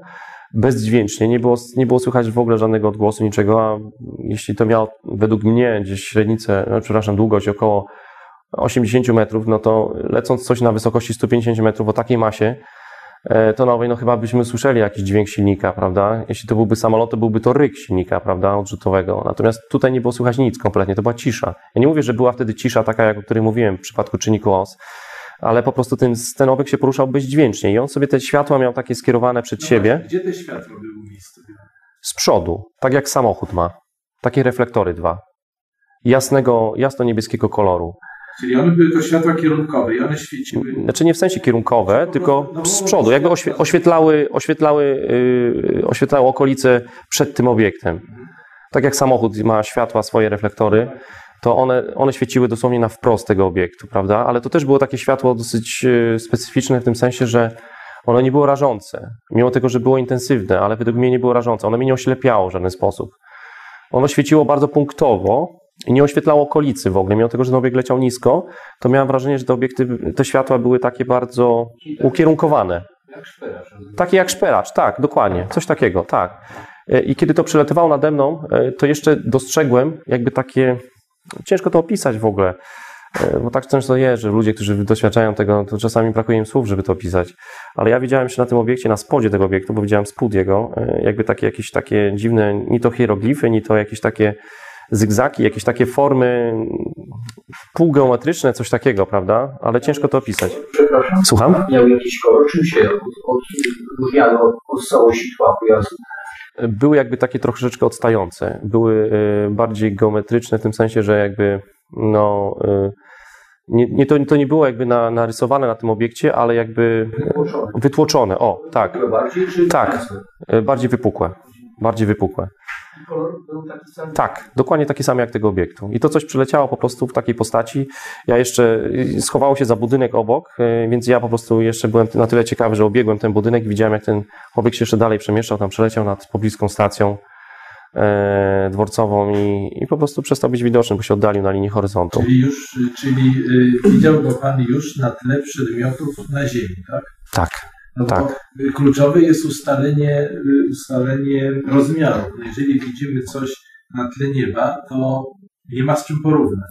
Mogło Tak, ale blisko, tak, ja nie? mówiąc Równie 80 wysoko. metrów, miałem na myśli, y, miałem na myśli właśnie odniesienie do punktów y, w terenie, bo znałem y, budynek, na którym przelatywało jakieś długości i wydawało mi się, że jest takiej samej długości jak ten budynek właśnie kolejowy, który tam stał obok. Więc na uznałem, że mogą mieć około 80 metrów. Tak, podstawie budynku. tak, a te reflektory, które od niego odchodziły, by mniej więcej, mniej więcej połowy długości tego obiektu. Gdzieś tak mniej więcej zakładając. Aha, czyli one były pod nim. Nie, nie, nie pod nim, tylko mam na myśli długość, do, do którego momentu sięgały, prawda, w przestrzeń. Że mniej więcej były połowy, y, połowy długości. Na jego, nazwijmy to, czole, Mhm. a świeciły mniej więcej na Tak. pół. Tak, tak. Do dzisiaj nie jestem w stanie tego wyjaśnić w żaden sposób. To mnie dotknęło bardzo osobiście, po prostu obróciło mnie do góry nogami w swoim myśleniu, co to jest. Ale pierwsze Pana wrażenie, kiedy, to, kiedy Pan to widział, było, że jest to obiekt, nazwijmy to techniczny. To, tak to wyglądało. Takie było wrażenie, tak. Jakiś pojazd, samolot, jakieś coś. W zasadzie do samego końca tak wyglądało to jako, jako coś mechanicznego, ale czy tak było faktycznie, tego nie wiem. Nie no, ale ja pytam o wrażenie. Wrażenie takie było. Czy mo, moja babcia była starszą osobą, ona tylko po prostu potwierdziła, że widziała jakiś kształt ciemny, prawda, który się przemieszczał. Ona, ja z nią nie wchodziłem w dalsze dyskusje, bo wiedziałem, że no już była osobą w, w starszym wieku, trochę ta demencja jej się zaznaczała, więc po prostu tylko potwierdziła, że coś widziała, prawda. Tak naprawdę najwięcej szczegółów to ja byłem w stanie ustalić, prawda. Właśnie to ciekawe, ona nie widziała tego, bo była zajęta szarpaniem tej klamki swojej, bo ona miała taki rytuał zawsze, że jak zamykała ten dom, to musiała tą klamkę mieć pewność, że ona jest zamknięta, ten, te drzwi są zamknięte frontowe i mimo tego, że jak krzyknąłem do niej, patrz, coś leci, ona nie zareagowała. Co jest ciekawe. E, To był 96 rok, więc ja miałem chyba gdzieś e, 13 lat, może gdzieś tyle, 14 lat. A nie próbował Pan wrócić do tego okresu czasu i poszukać świadków później? E, Nie, nie próbowałem akurat. E, Nigdy się tego nie podjąłem, chociaż e, wiele razy rozmawiałem z mieszkańcami tej, tej miejscowości na takie tematy i nigdy mi nikt nie zgłaszał o tym, że coś takiego tam było, prawda? Także na, na pewno nie poruszałem konkretnie, czy ktoś coś widział takiego, nie? W tym danym dniu. Natomiast nikt do mnie nigdy nie, nie zgłosił się z tej miejscowości, że w ogóle cokolwiek widział, prawda? Także to było takie jednorazowe. Przecież to trwało kilka sekund. W zasadzie tak. W zasadzie tak. I tak często się dzieje właśnie w tych obserwacjach UFO, że to, jest, to są sekundy często, prawda? Są znane kanały przylotowe, tak zwane, w cudzysłowie, prawda? Mhm. Między innymi z nich jest poprzez Łódź i okolice. Aha. Czy mówi Pan o kanałach powietrznych, tak? Na który, przy których latają samoloty, czy mówi Pan o, o, Tak, UFO. o przylotach UFO? Okej. Częściej widuje się i można na obserwacji w różnych odległościach ocenić Tak. w czasie, czy jest to okres, moment przylotu właśnie. Te linie są znane. Aha. To też oczywiście BNP pisał, ale też i wielu innych badaczy. Mhm. Tak, tak, tak, tak, tak. Też może warto byłoby sprawdzić nie tylko to miejsce, ale również brać pod uwagę czas i poszukać. Sam rejon, y, muszę powiedzieć, że było sporo różnych relacji tam, y, do których mi się gdzieś tam udało docierać y, po latach, prawda? E, Natomiast nie bezpośrednio tej miejscowości, ale w okolicach y, donoszono mi o takich zjawiskach, także e, może teraz się tam mniej coś takiego obserwuje, bo ogólnie jest zastój w tych obserwacjach, ale faktycznie ten, ten teren jest dosyć ciekawy e, pod tym kątem. Co Pan mówi? Właśnie widziałem, znam to miejsce, gdzie właśnie widziałem, że Mhm. on schodzi, Mhm, leci wtedy na pół do Czechanów i Mhm. widziałem, jak w tym miejscu mhm, szło do góry. mhm, mhm. Dokładnie inne, inne osoby, które też to widziały? Y, Te, te zjawiska, co u nas były, to ja osobiście znam 11 osób, które ze mną osobiście rozmawiały i SMS-owały, i z rodziny, znajomi, Czyli nikt się ludzie. nie wyparł, wszyscy potwierdzają. Czy nie było tak Było kilka przypadków takich, że y, pierwsze, jak ja opowiadałem, to co ty piłeś, co paliłeś, a potem miał parę dni i albo mi dzwonił telefon, albo spotkał gdzieś ty. Ja też to widziałem, tak samo. A ja, ja mówię, to Mhm. powiedz jak. No tak, tak i tak. Ja mówię, no to to samo. Tak jest, bo to jest strach przed ośmieszeniem, wie pan, ale zupełnie niepotrzebny, bo y, w tym wypadku, zresztą pan jak również prowadzi badania takich zjawisk, y, warto się tym dzielić. To, że pan mówi, że teraz nie ma wysypu, to po prostu ludzie o tym nie mówią. To też prawda jest, na pewno jest jakaś blokada mentalna, e, blokada kulturowa, no bo Na przestrzeni czasu występowały w wielu miejscach na Ziemi, występują non-stop. Tutaj nie ma takiej przerwy, że no teraz mamy cięcie, prawda, wszyscy poszli. chociaż zwykle jest tak, że to zjawisko działa falowo. E, Z drugiej strony jest jeszcze jedno y, ciekawe spostrzeżenie. Mianowicie, y, jeżeli y, spojrzymy na dokumentację materialną, czyli Mhm. jeżeli chodzi o zdjęcia i filmy, Mhm. no to tak jak chociażby to, które z tego y, myśliwca amerykańskiego pan pokazał, tak, tak. Oprócz tego zdjęcia, które były robione, które badano i, no i bardzo często y, uznawano, że zdjęcie nie jest y, prostym fotomontażem, tak? Mhm. Że, jest, że, że rzeczywiście coś przedstawia, to ym, można powiedzieć w ten sposób, że w czasach przedcyfrowych ym, no, aparat fotograficzny jakaś tam, no, no było na świecie Mhm. dosyć dużo aparatów, ale też Tak. tak. nie każdy nosił zawsze przy sobie aparat. Tak. Y, więc z możliwości wykonania zdjęcia można powiedzieć było mało, tak? Czyli żeby, Mhm. żeby, żeby złożyły się dwa czynniki. Mieć aparat, zobaczyć UFO i zrobić zdjęcie. A wtedy w tamtych czasach, a powiem taką ciekawostkę właśnie. Dzisiaj każdy ma w kieszeni Mhm. aparat, więc można by sobie wyobrazić, że gdyby częstotliwość pojawiania się tych zjawisk Tak. była identyczna, to powinniśmy mieć Więcej takich dowodów. Tak. Do, dosłownie zalew autentycznych Oczywiście. fotografii. Tak. Po, powiem tak, zdjęcia z aparatu fotograficznego, szczególnie komórkowego, naprawdę trudno jest zrobić w taki sposób, że można powiedzieć, że widziałem UFO. A, ale mimo wszystko. powiem tak. Ja nagrałem i to też niewiele A ja się spotkałam z takim zjawiskiem, nie znam się na tym zupełnie, ale Mhm. byłam w Wejsiołach, tam w tych kręgach kamiennych. Aha, tak. się na przestrzeni, tam jest taki okres 24 5 lipca, jakieś załamanie fali. Poszłam sobie z tym aparatem i powiedziałam Mhm. od razu, że nie, nic z tego z tym aparatem nie zrobisz, bo on ci wywali. Ja mówię, co tam potem gadacie? Najprostszy na jeden taki tandetny Mhm. aparat tam działa. I rzeczywiście poszłam, zapomniałam o tym, co mi mówili. Mhm. Zaczęłam robić zdjęcia, mówię, kurka, nic nie działa, czy ja baterii nie wzięłam, czy nie naładowałam, nic nie działa. No, Mhm. przeraziłam, bo był nowa. To jest bardzo charakterystyczne, że pani mówi. Zepsuł się. To tak Natomiast nawiąza... Inni Mhm. mieli aparaty i właśnie to, co mówiłam, no tak to nazwali Mhm. obsy, potem mieliśmy mnóstwo tych Mhm. obsów. Mhm. Natomiast jak ja wróciłam Z, stamtąd, z tymi... Mhm. Z tymi olpsami to jest troszeczkę tak, że Nie cyfrowy, tak, tak, analogowy, tak. Jeszcze do tego, do Jasne, jasne, bo tak właśnie się nasunęły tutaj dwa różne wątki. To może tak najpierw do tego, co Pan powiedział. E, powiem tak, e, fotografię analogową mamy już ze sobą, to już jest historia, prawda? Mamy fotografię cyfrową. I paradoksalnie, jak na ironię, jest tak, że w dobie dzisiejszej technologii tych zdjęć jest bardzo mało. Albo inaczej, tych zdjęć, które faktycznie, na którym można się pochylić, które są wiarygodne i ciekawe, jest ich naprawdę można na palcach policzyć. Natomiast z tych fejków, tych, tego wszystkiego, tych orbsów, jak pani mówi, e, w większości przypadków to jest tak, że to są naświetlane drobinki kurzu.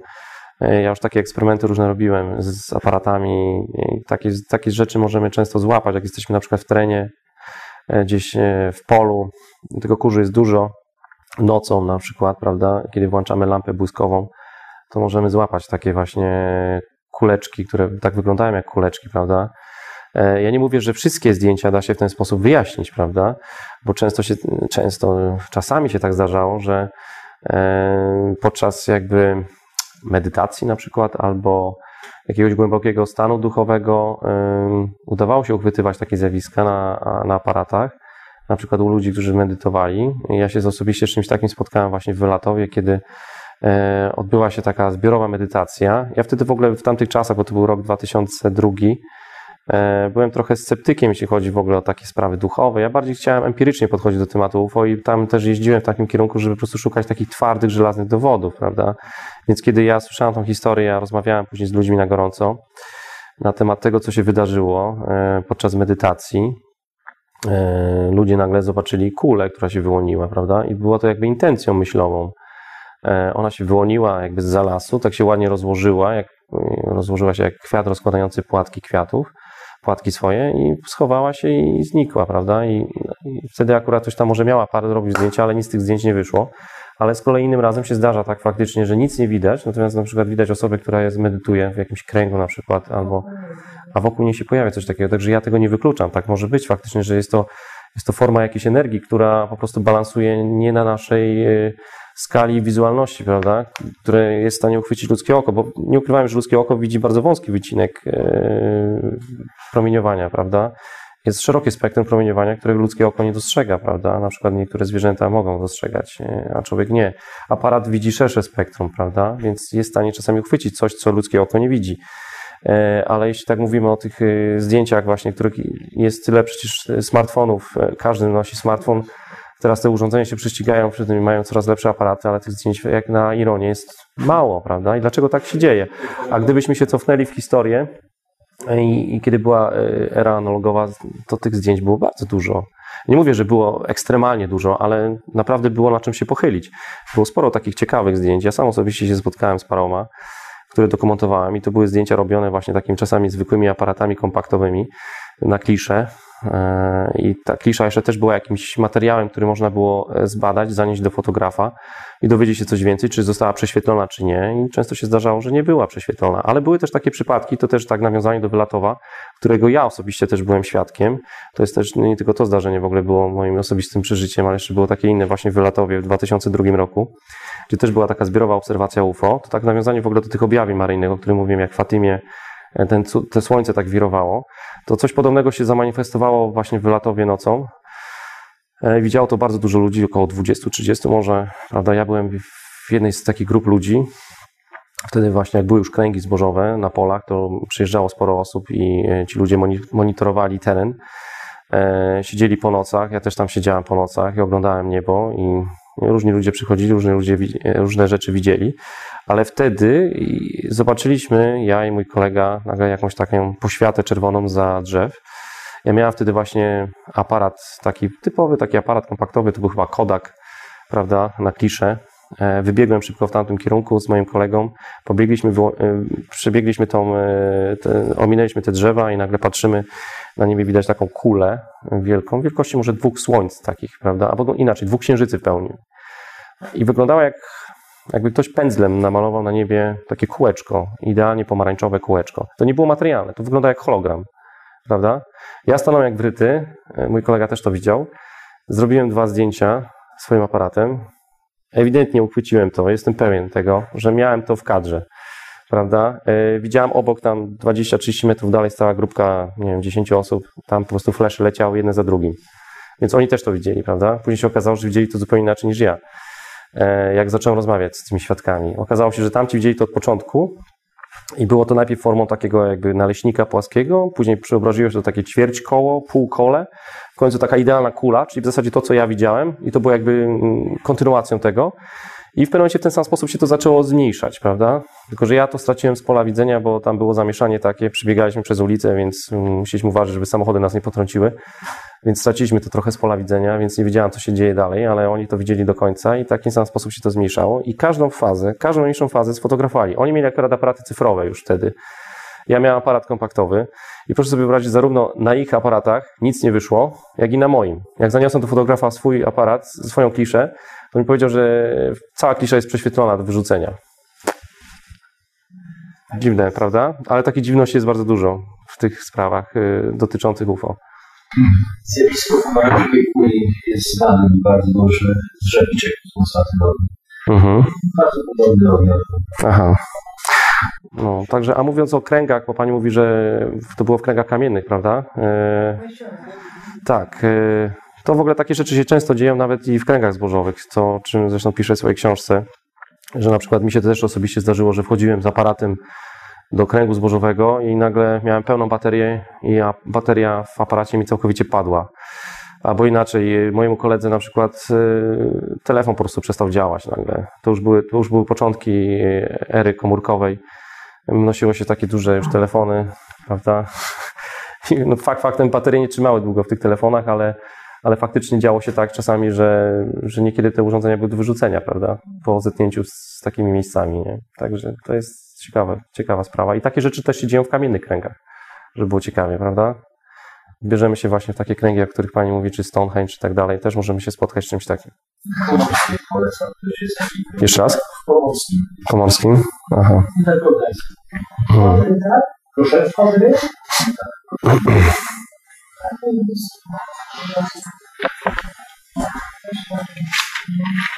Tak. A niech pan powie, bo ja takie sytuacje, jak się słyszało, że porywali ludzi, a potem ludzi znaleźli jakieś ślady rzeczy. Tak, tak się działo. Były takie przypadki. To, to mówimy o abdukcjach, o wzięciach. E, takie rzeczy się działy faktycznie. E, tylko jak ja to staram się interpretować, a stykałem się też z takimi przypadkami osobiście, e, miałem do czynienia z takimi świadkami, którzy twierdzili, że byli porywani, byli wzięci, prawda, mieli różne kontakty. Zaczynało się to zwykle od dzieciństwa. Mieli jakieś na przykład obserwacje jeszcze jako dziecko. Później się okazywało, że to dotykało nie tylko ich, ale i całą rodzinę. I faktycznie najpierw zaczynało się to niewinnie, po czym później e, szło to w stronę takiej czasami całkowitej traumy, bo ci ludzie czasami doświadczali tych zdarzeń e, w sposób taki właśnie bardzo nie, nieprzyjemny, prawda? Te, te kontakty rozgrywały się często właśnie jakby e, na planie jakiegoś takiego, nie wiem, obiektu, gdzieś było widać jakieś laboratorium, były widać jakieś istoty. E, Oni mieli wrażenie, że pobierają jakieś próbki ciała. e, Wykonywane to było w sposób brutalny i możemy się zastanawiać, no jeśli to jest jakaś cywilizacja, to chyba powinna się zachować w sposób humanitarny w stosunku do swoich obiektów badawczych. Natomiast tutaj było zupełnie inaczej, prawda? Ci ludzie po prostu mieli wrażenie, że, że oni po prostu nie chcieli o tym zapomnieć. To, ale mimo wszystko, na sam koniec później odczuwali jakąś taką paradoksalną sympatię do, do, do tych istot.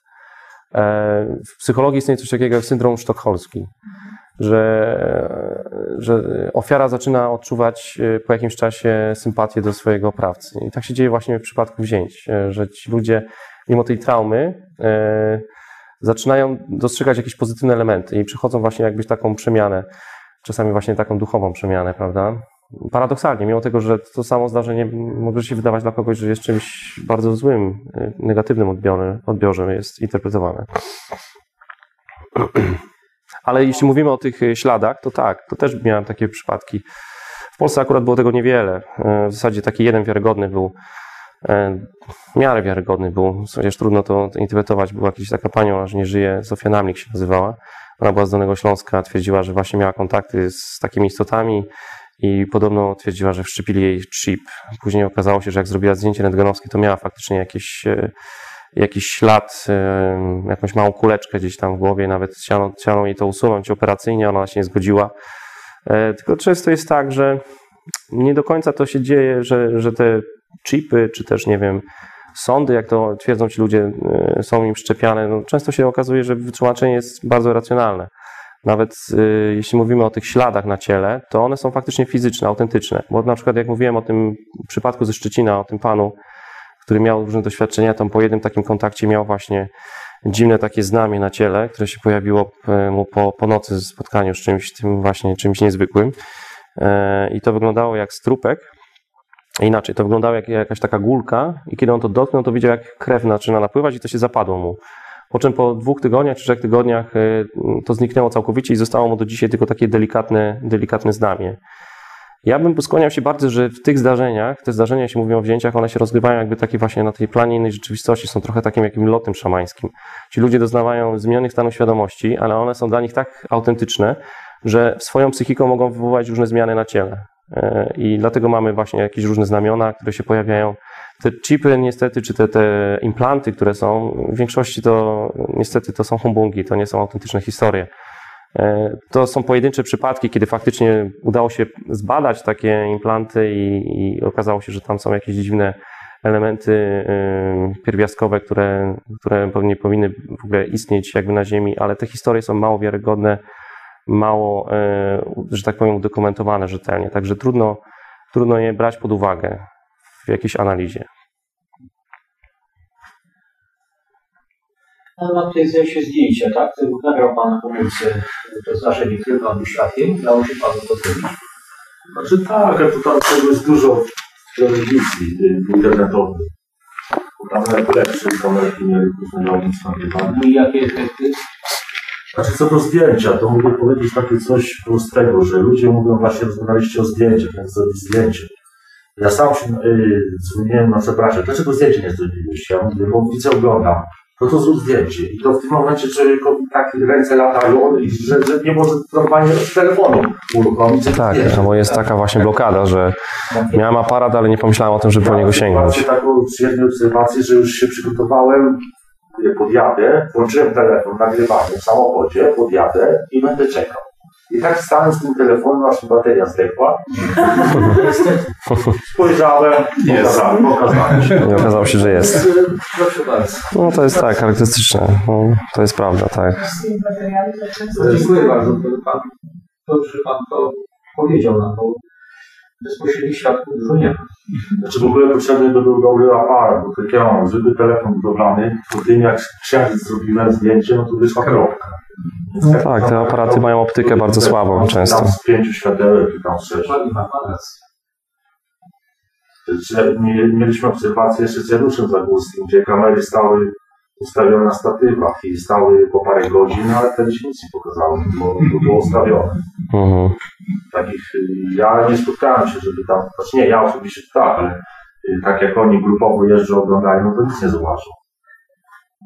Kto, kto widział, jak pojechał grupowo, zobaczył. Zobaczył? No, zdarzały się, nie, to nie były częste przypadki, ale się zdarzały. Ale te wszystkie, kiedy na przykład ja widziałem, to nie były planowane, że, się zobaczy. No tak się dzieje właśnie często, że to jest niespodziewanie się Było rozgrywa. widać przykładowo poniedziałek, wtorek, środa, w czwartek przyjechali i było spotkanie w Płońsku, Mhm. w czwartek czy w piątek, ale wiem, że tam Mhm. 4 noce spędziliśmy na nocy i, i na, na dworzu nie było Mhm. nic. Mhm. Pojechali, następna noc pokazało się.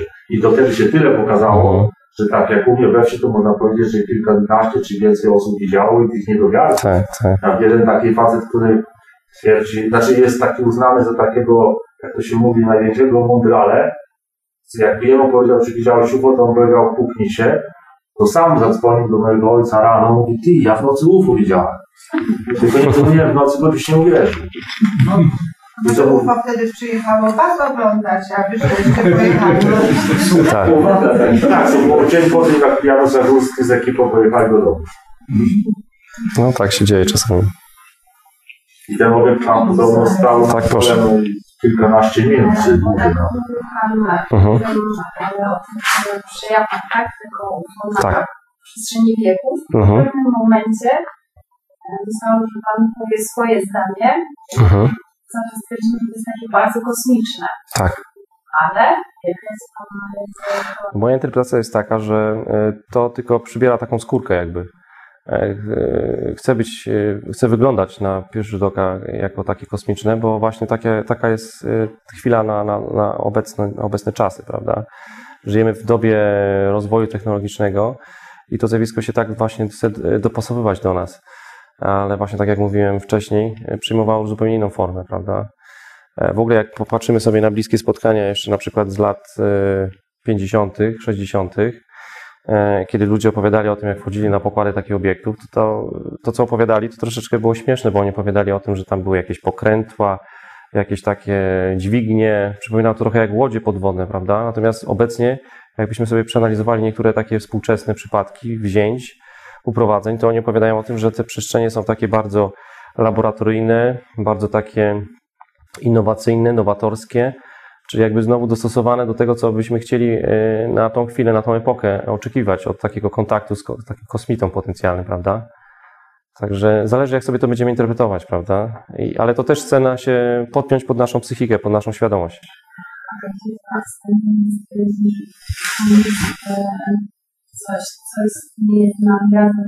Tak, ja bym powiedział, że jest to takie trochę ultraziemskie, takie postbiologiczne. Może to jest taka forma takiego żywiołu, e, inteligentnego żywiołu, który z nami poegzystuje tutaj, prawda?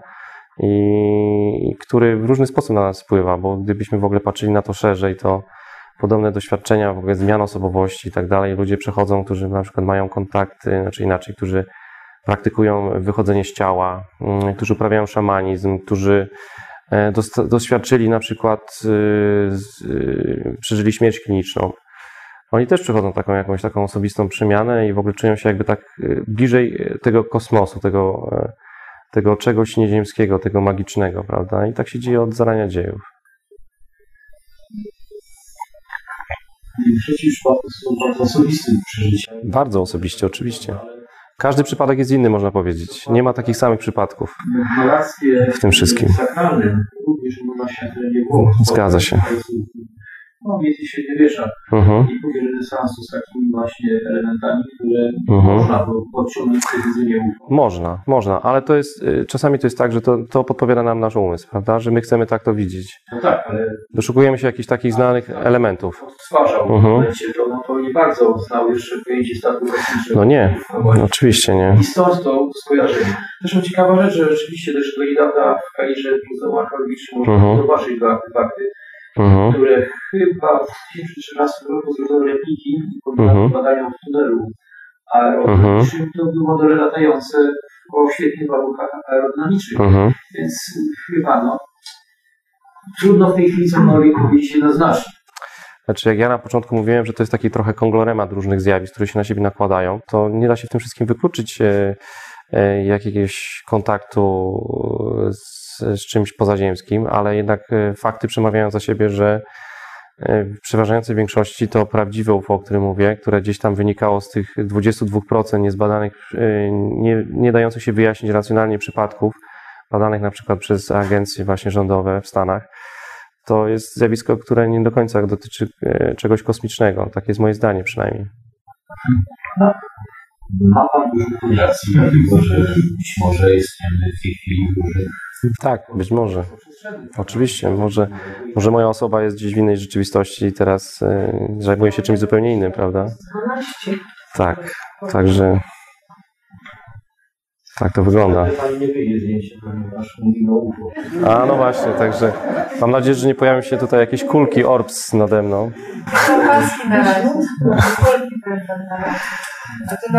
Nie wiem, czy Państwo mają jeszcze jakieś pytania. Ma pan. Tak, tak, Ja mam tak. pytanie jedno. Słucham pan. Czy pan sądzi, że piktogramy w Wylatowie, że kto zrobił te piktogramy? Czy ludzie, czy nie ludzie? Em, To jest trudne pytanie w zasadzie, bo jak ja e, pisałem swoją książkę, zbierałem różne materiały na temat kręgów zbożowych, odnosiłem się nie tylko do swoich wyników badań, ale do, do, do, do literatury, do źródeł.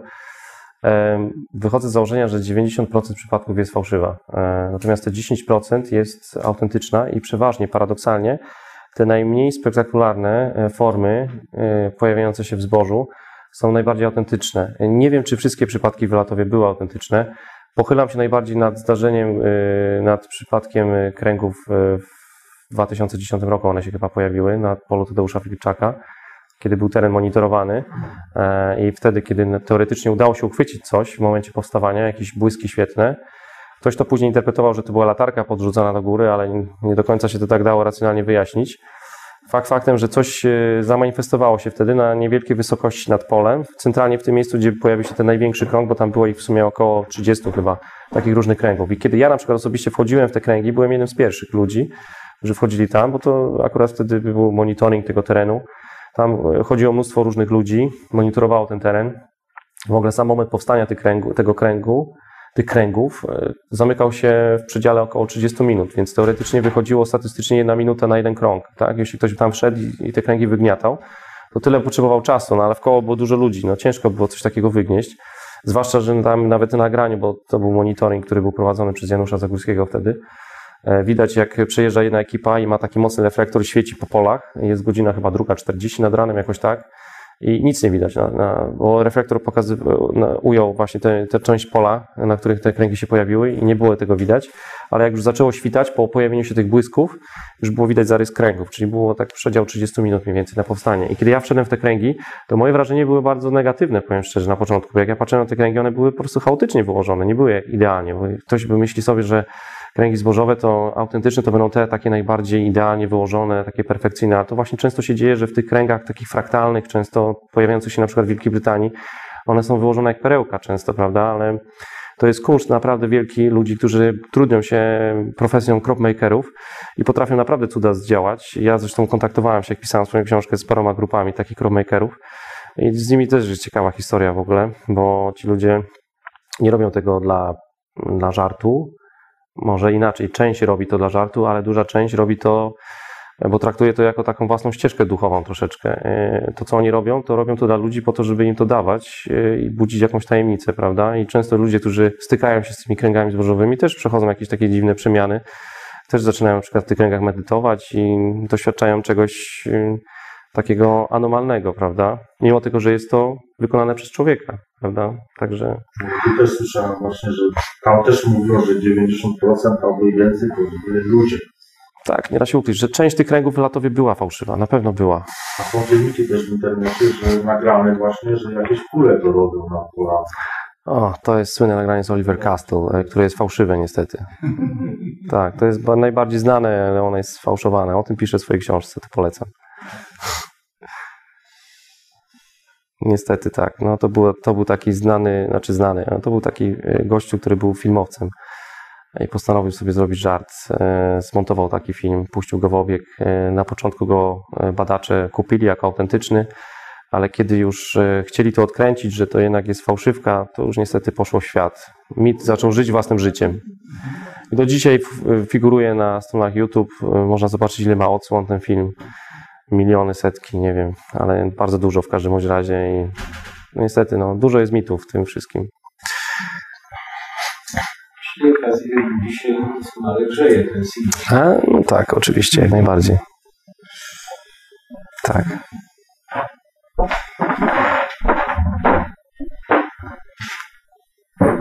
Nie wiem, czy Państwo jeszcze mają jakieś... Mamy pytanie, bo Pan dzisiaj otrzymał noc. Tak, jeszcze, jeszcze dzisiaj wracam, e, wracam do Legnicy, czeka mnie mała podróż, trzygodzinna. Jest dobre, tak, jestem zaskoczony, jak szybko przejechałem. Tak, działa świetnie, natomiast gorzej było tutaj już pod samym, e, w samym centrum Łodzi. Ale myślę, że teraz szybko wyjadę, już chyba te samochody się rozjechały. Ma. No, także tak to. Ja również bardzo Państwu dziękuję za to przybycie. Bardzo dziękuję. Dziękujemy również Państwu, że Państwo przyszli. Tutaj mamy taką drobną zbiórkę, bo y, niestety Pan się porusza zwykłym samochodem jeszcze, a nie UFO go nie przywiozło, nie tak. Także gdyby można było prosić. Bardzo dziękuję. Bardzo Państwu dziękuję jeszcze raz. E, Fajnie było podyskutować e, w tak kameralnym gronie, ale takie spotkania są właśnie najlepsze czasami, najciekawsze. W Radio Paranormalium wysłuchaliście Państwo przed chwilą zapisu spotkania z Damianem Trelą, które było poświęcone różnym kwestiom związanym ze zjawiskiem UFO. Spotkanie odbyło się 4 października 2019 roku w siedzibie Stowarzyszenia Sztuka Dobrego Życia w Łodzi. Na zakończenie przypominamy jeszcze tylko, że książka Damiana Treli Gniazda UFO doczekała się wersji nie tylko drukowanej i elektronicznej, ale również i dźwiękowej. Audiobook w formacie MP3 dostępny jest do kupienia w dobrych sklepach internetowych. Linki do wybranych sklepów, w których można kupić zarówno audiobooka, jak i wersję drukowaną bądź elektroniczną książki Gniazda UFO, znajdziecie Państwo na blogu Damiana Treli Czas Tajemnic pod adresem czastajemnic.blogspot.com.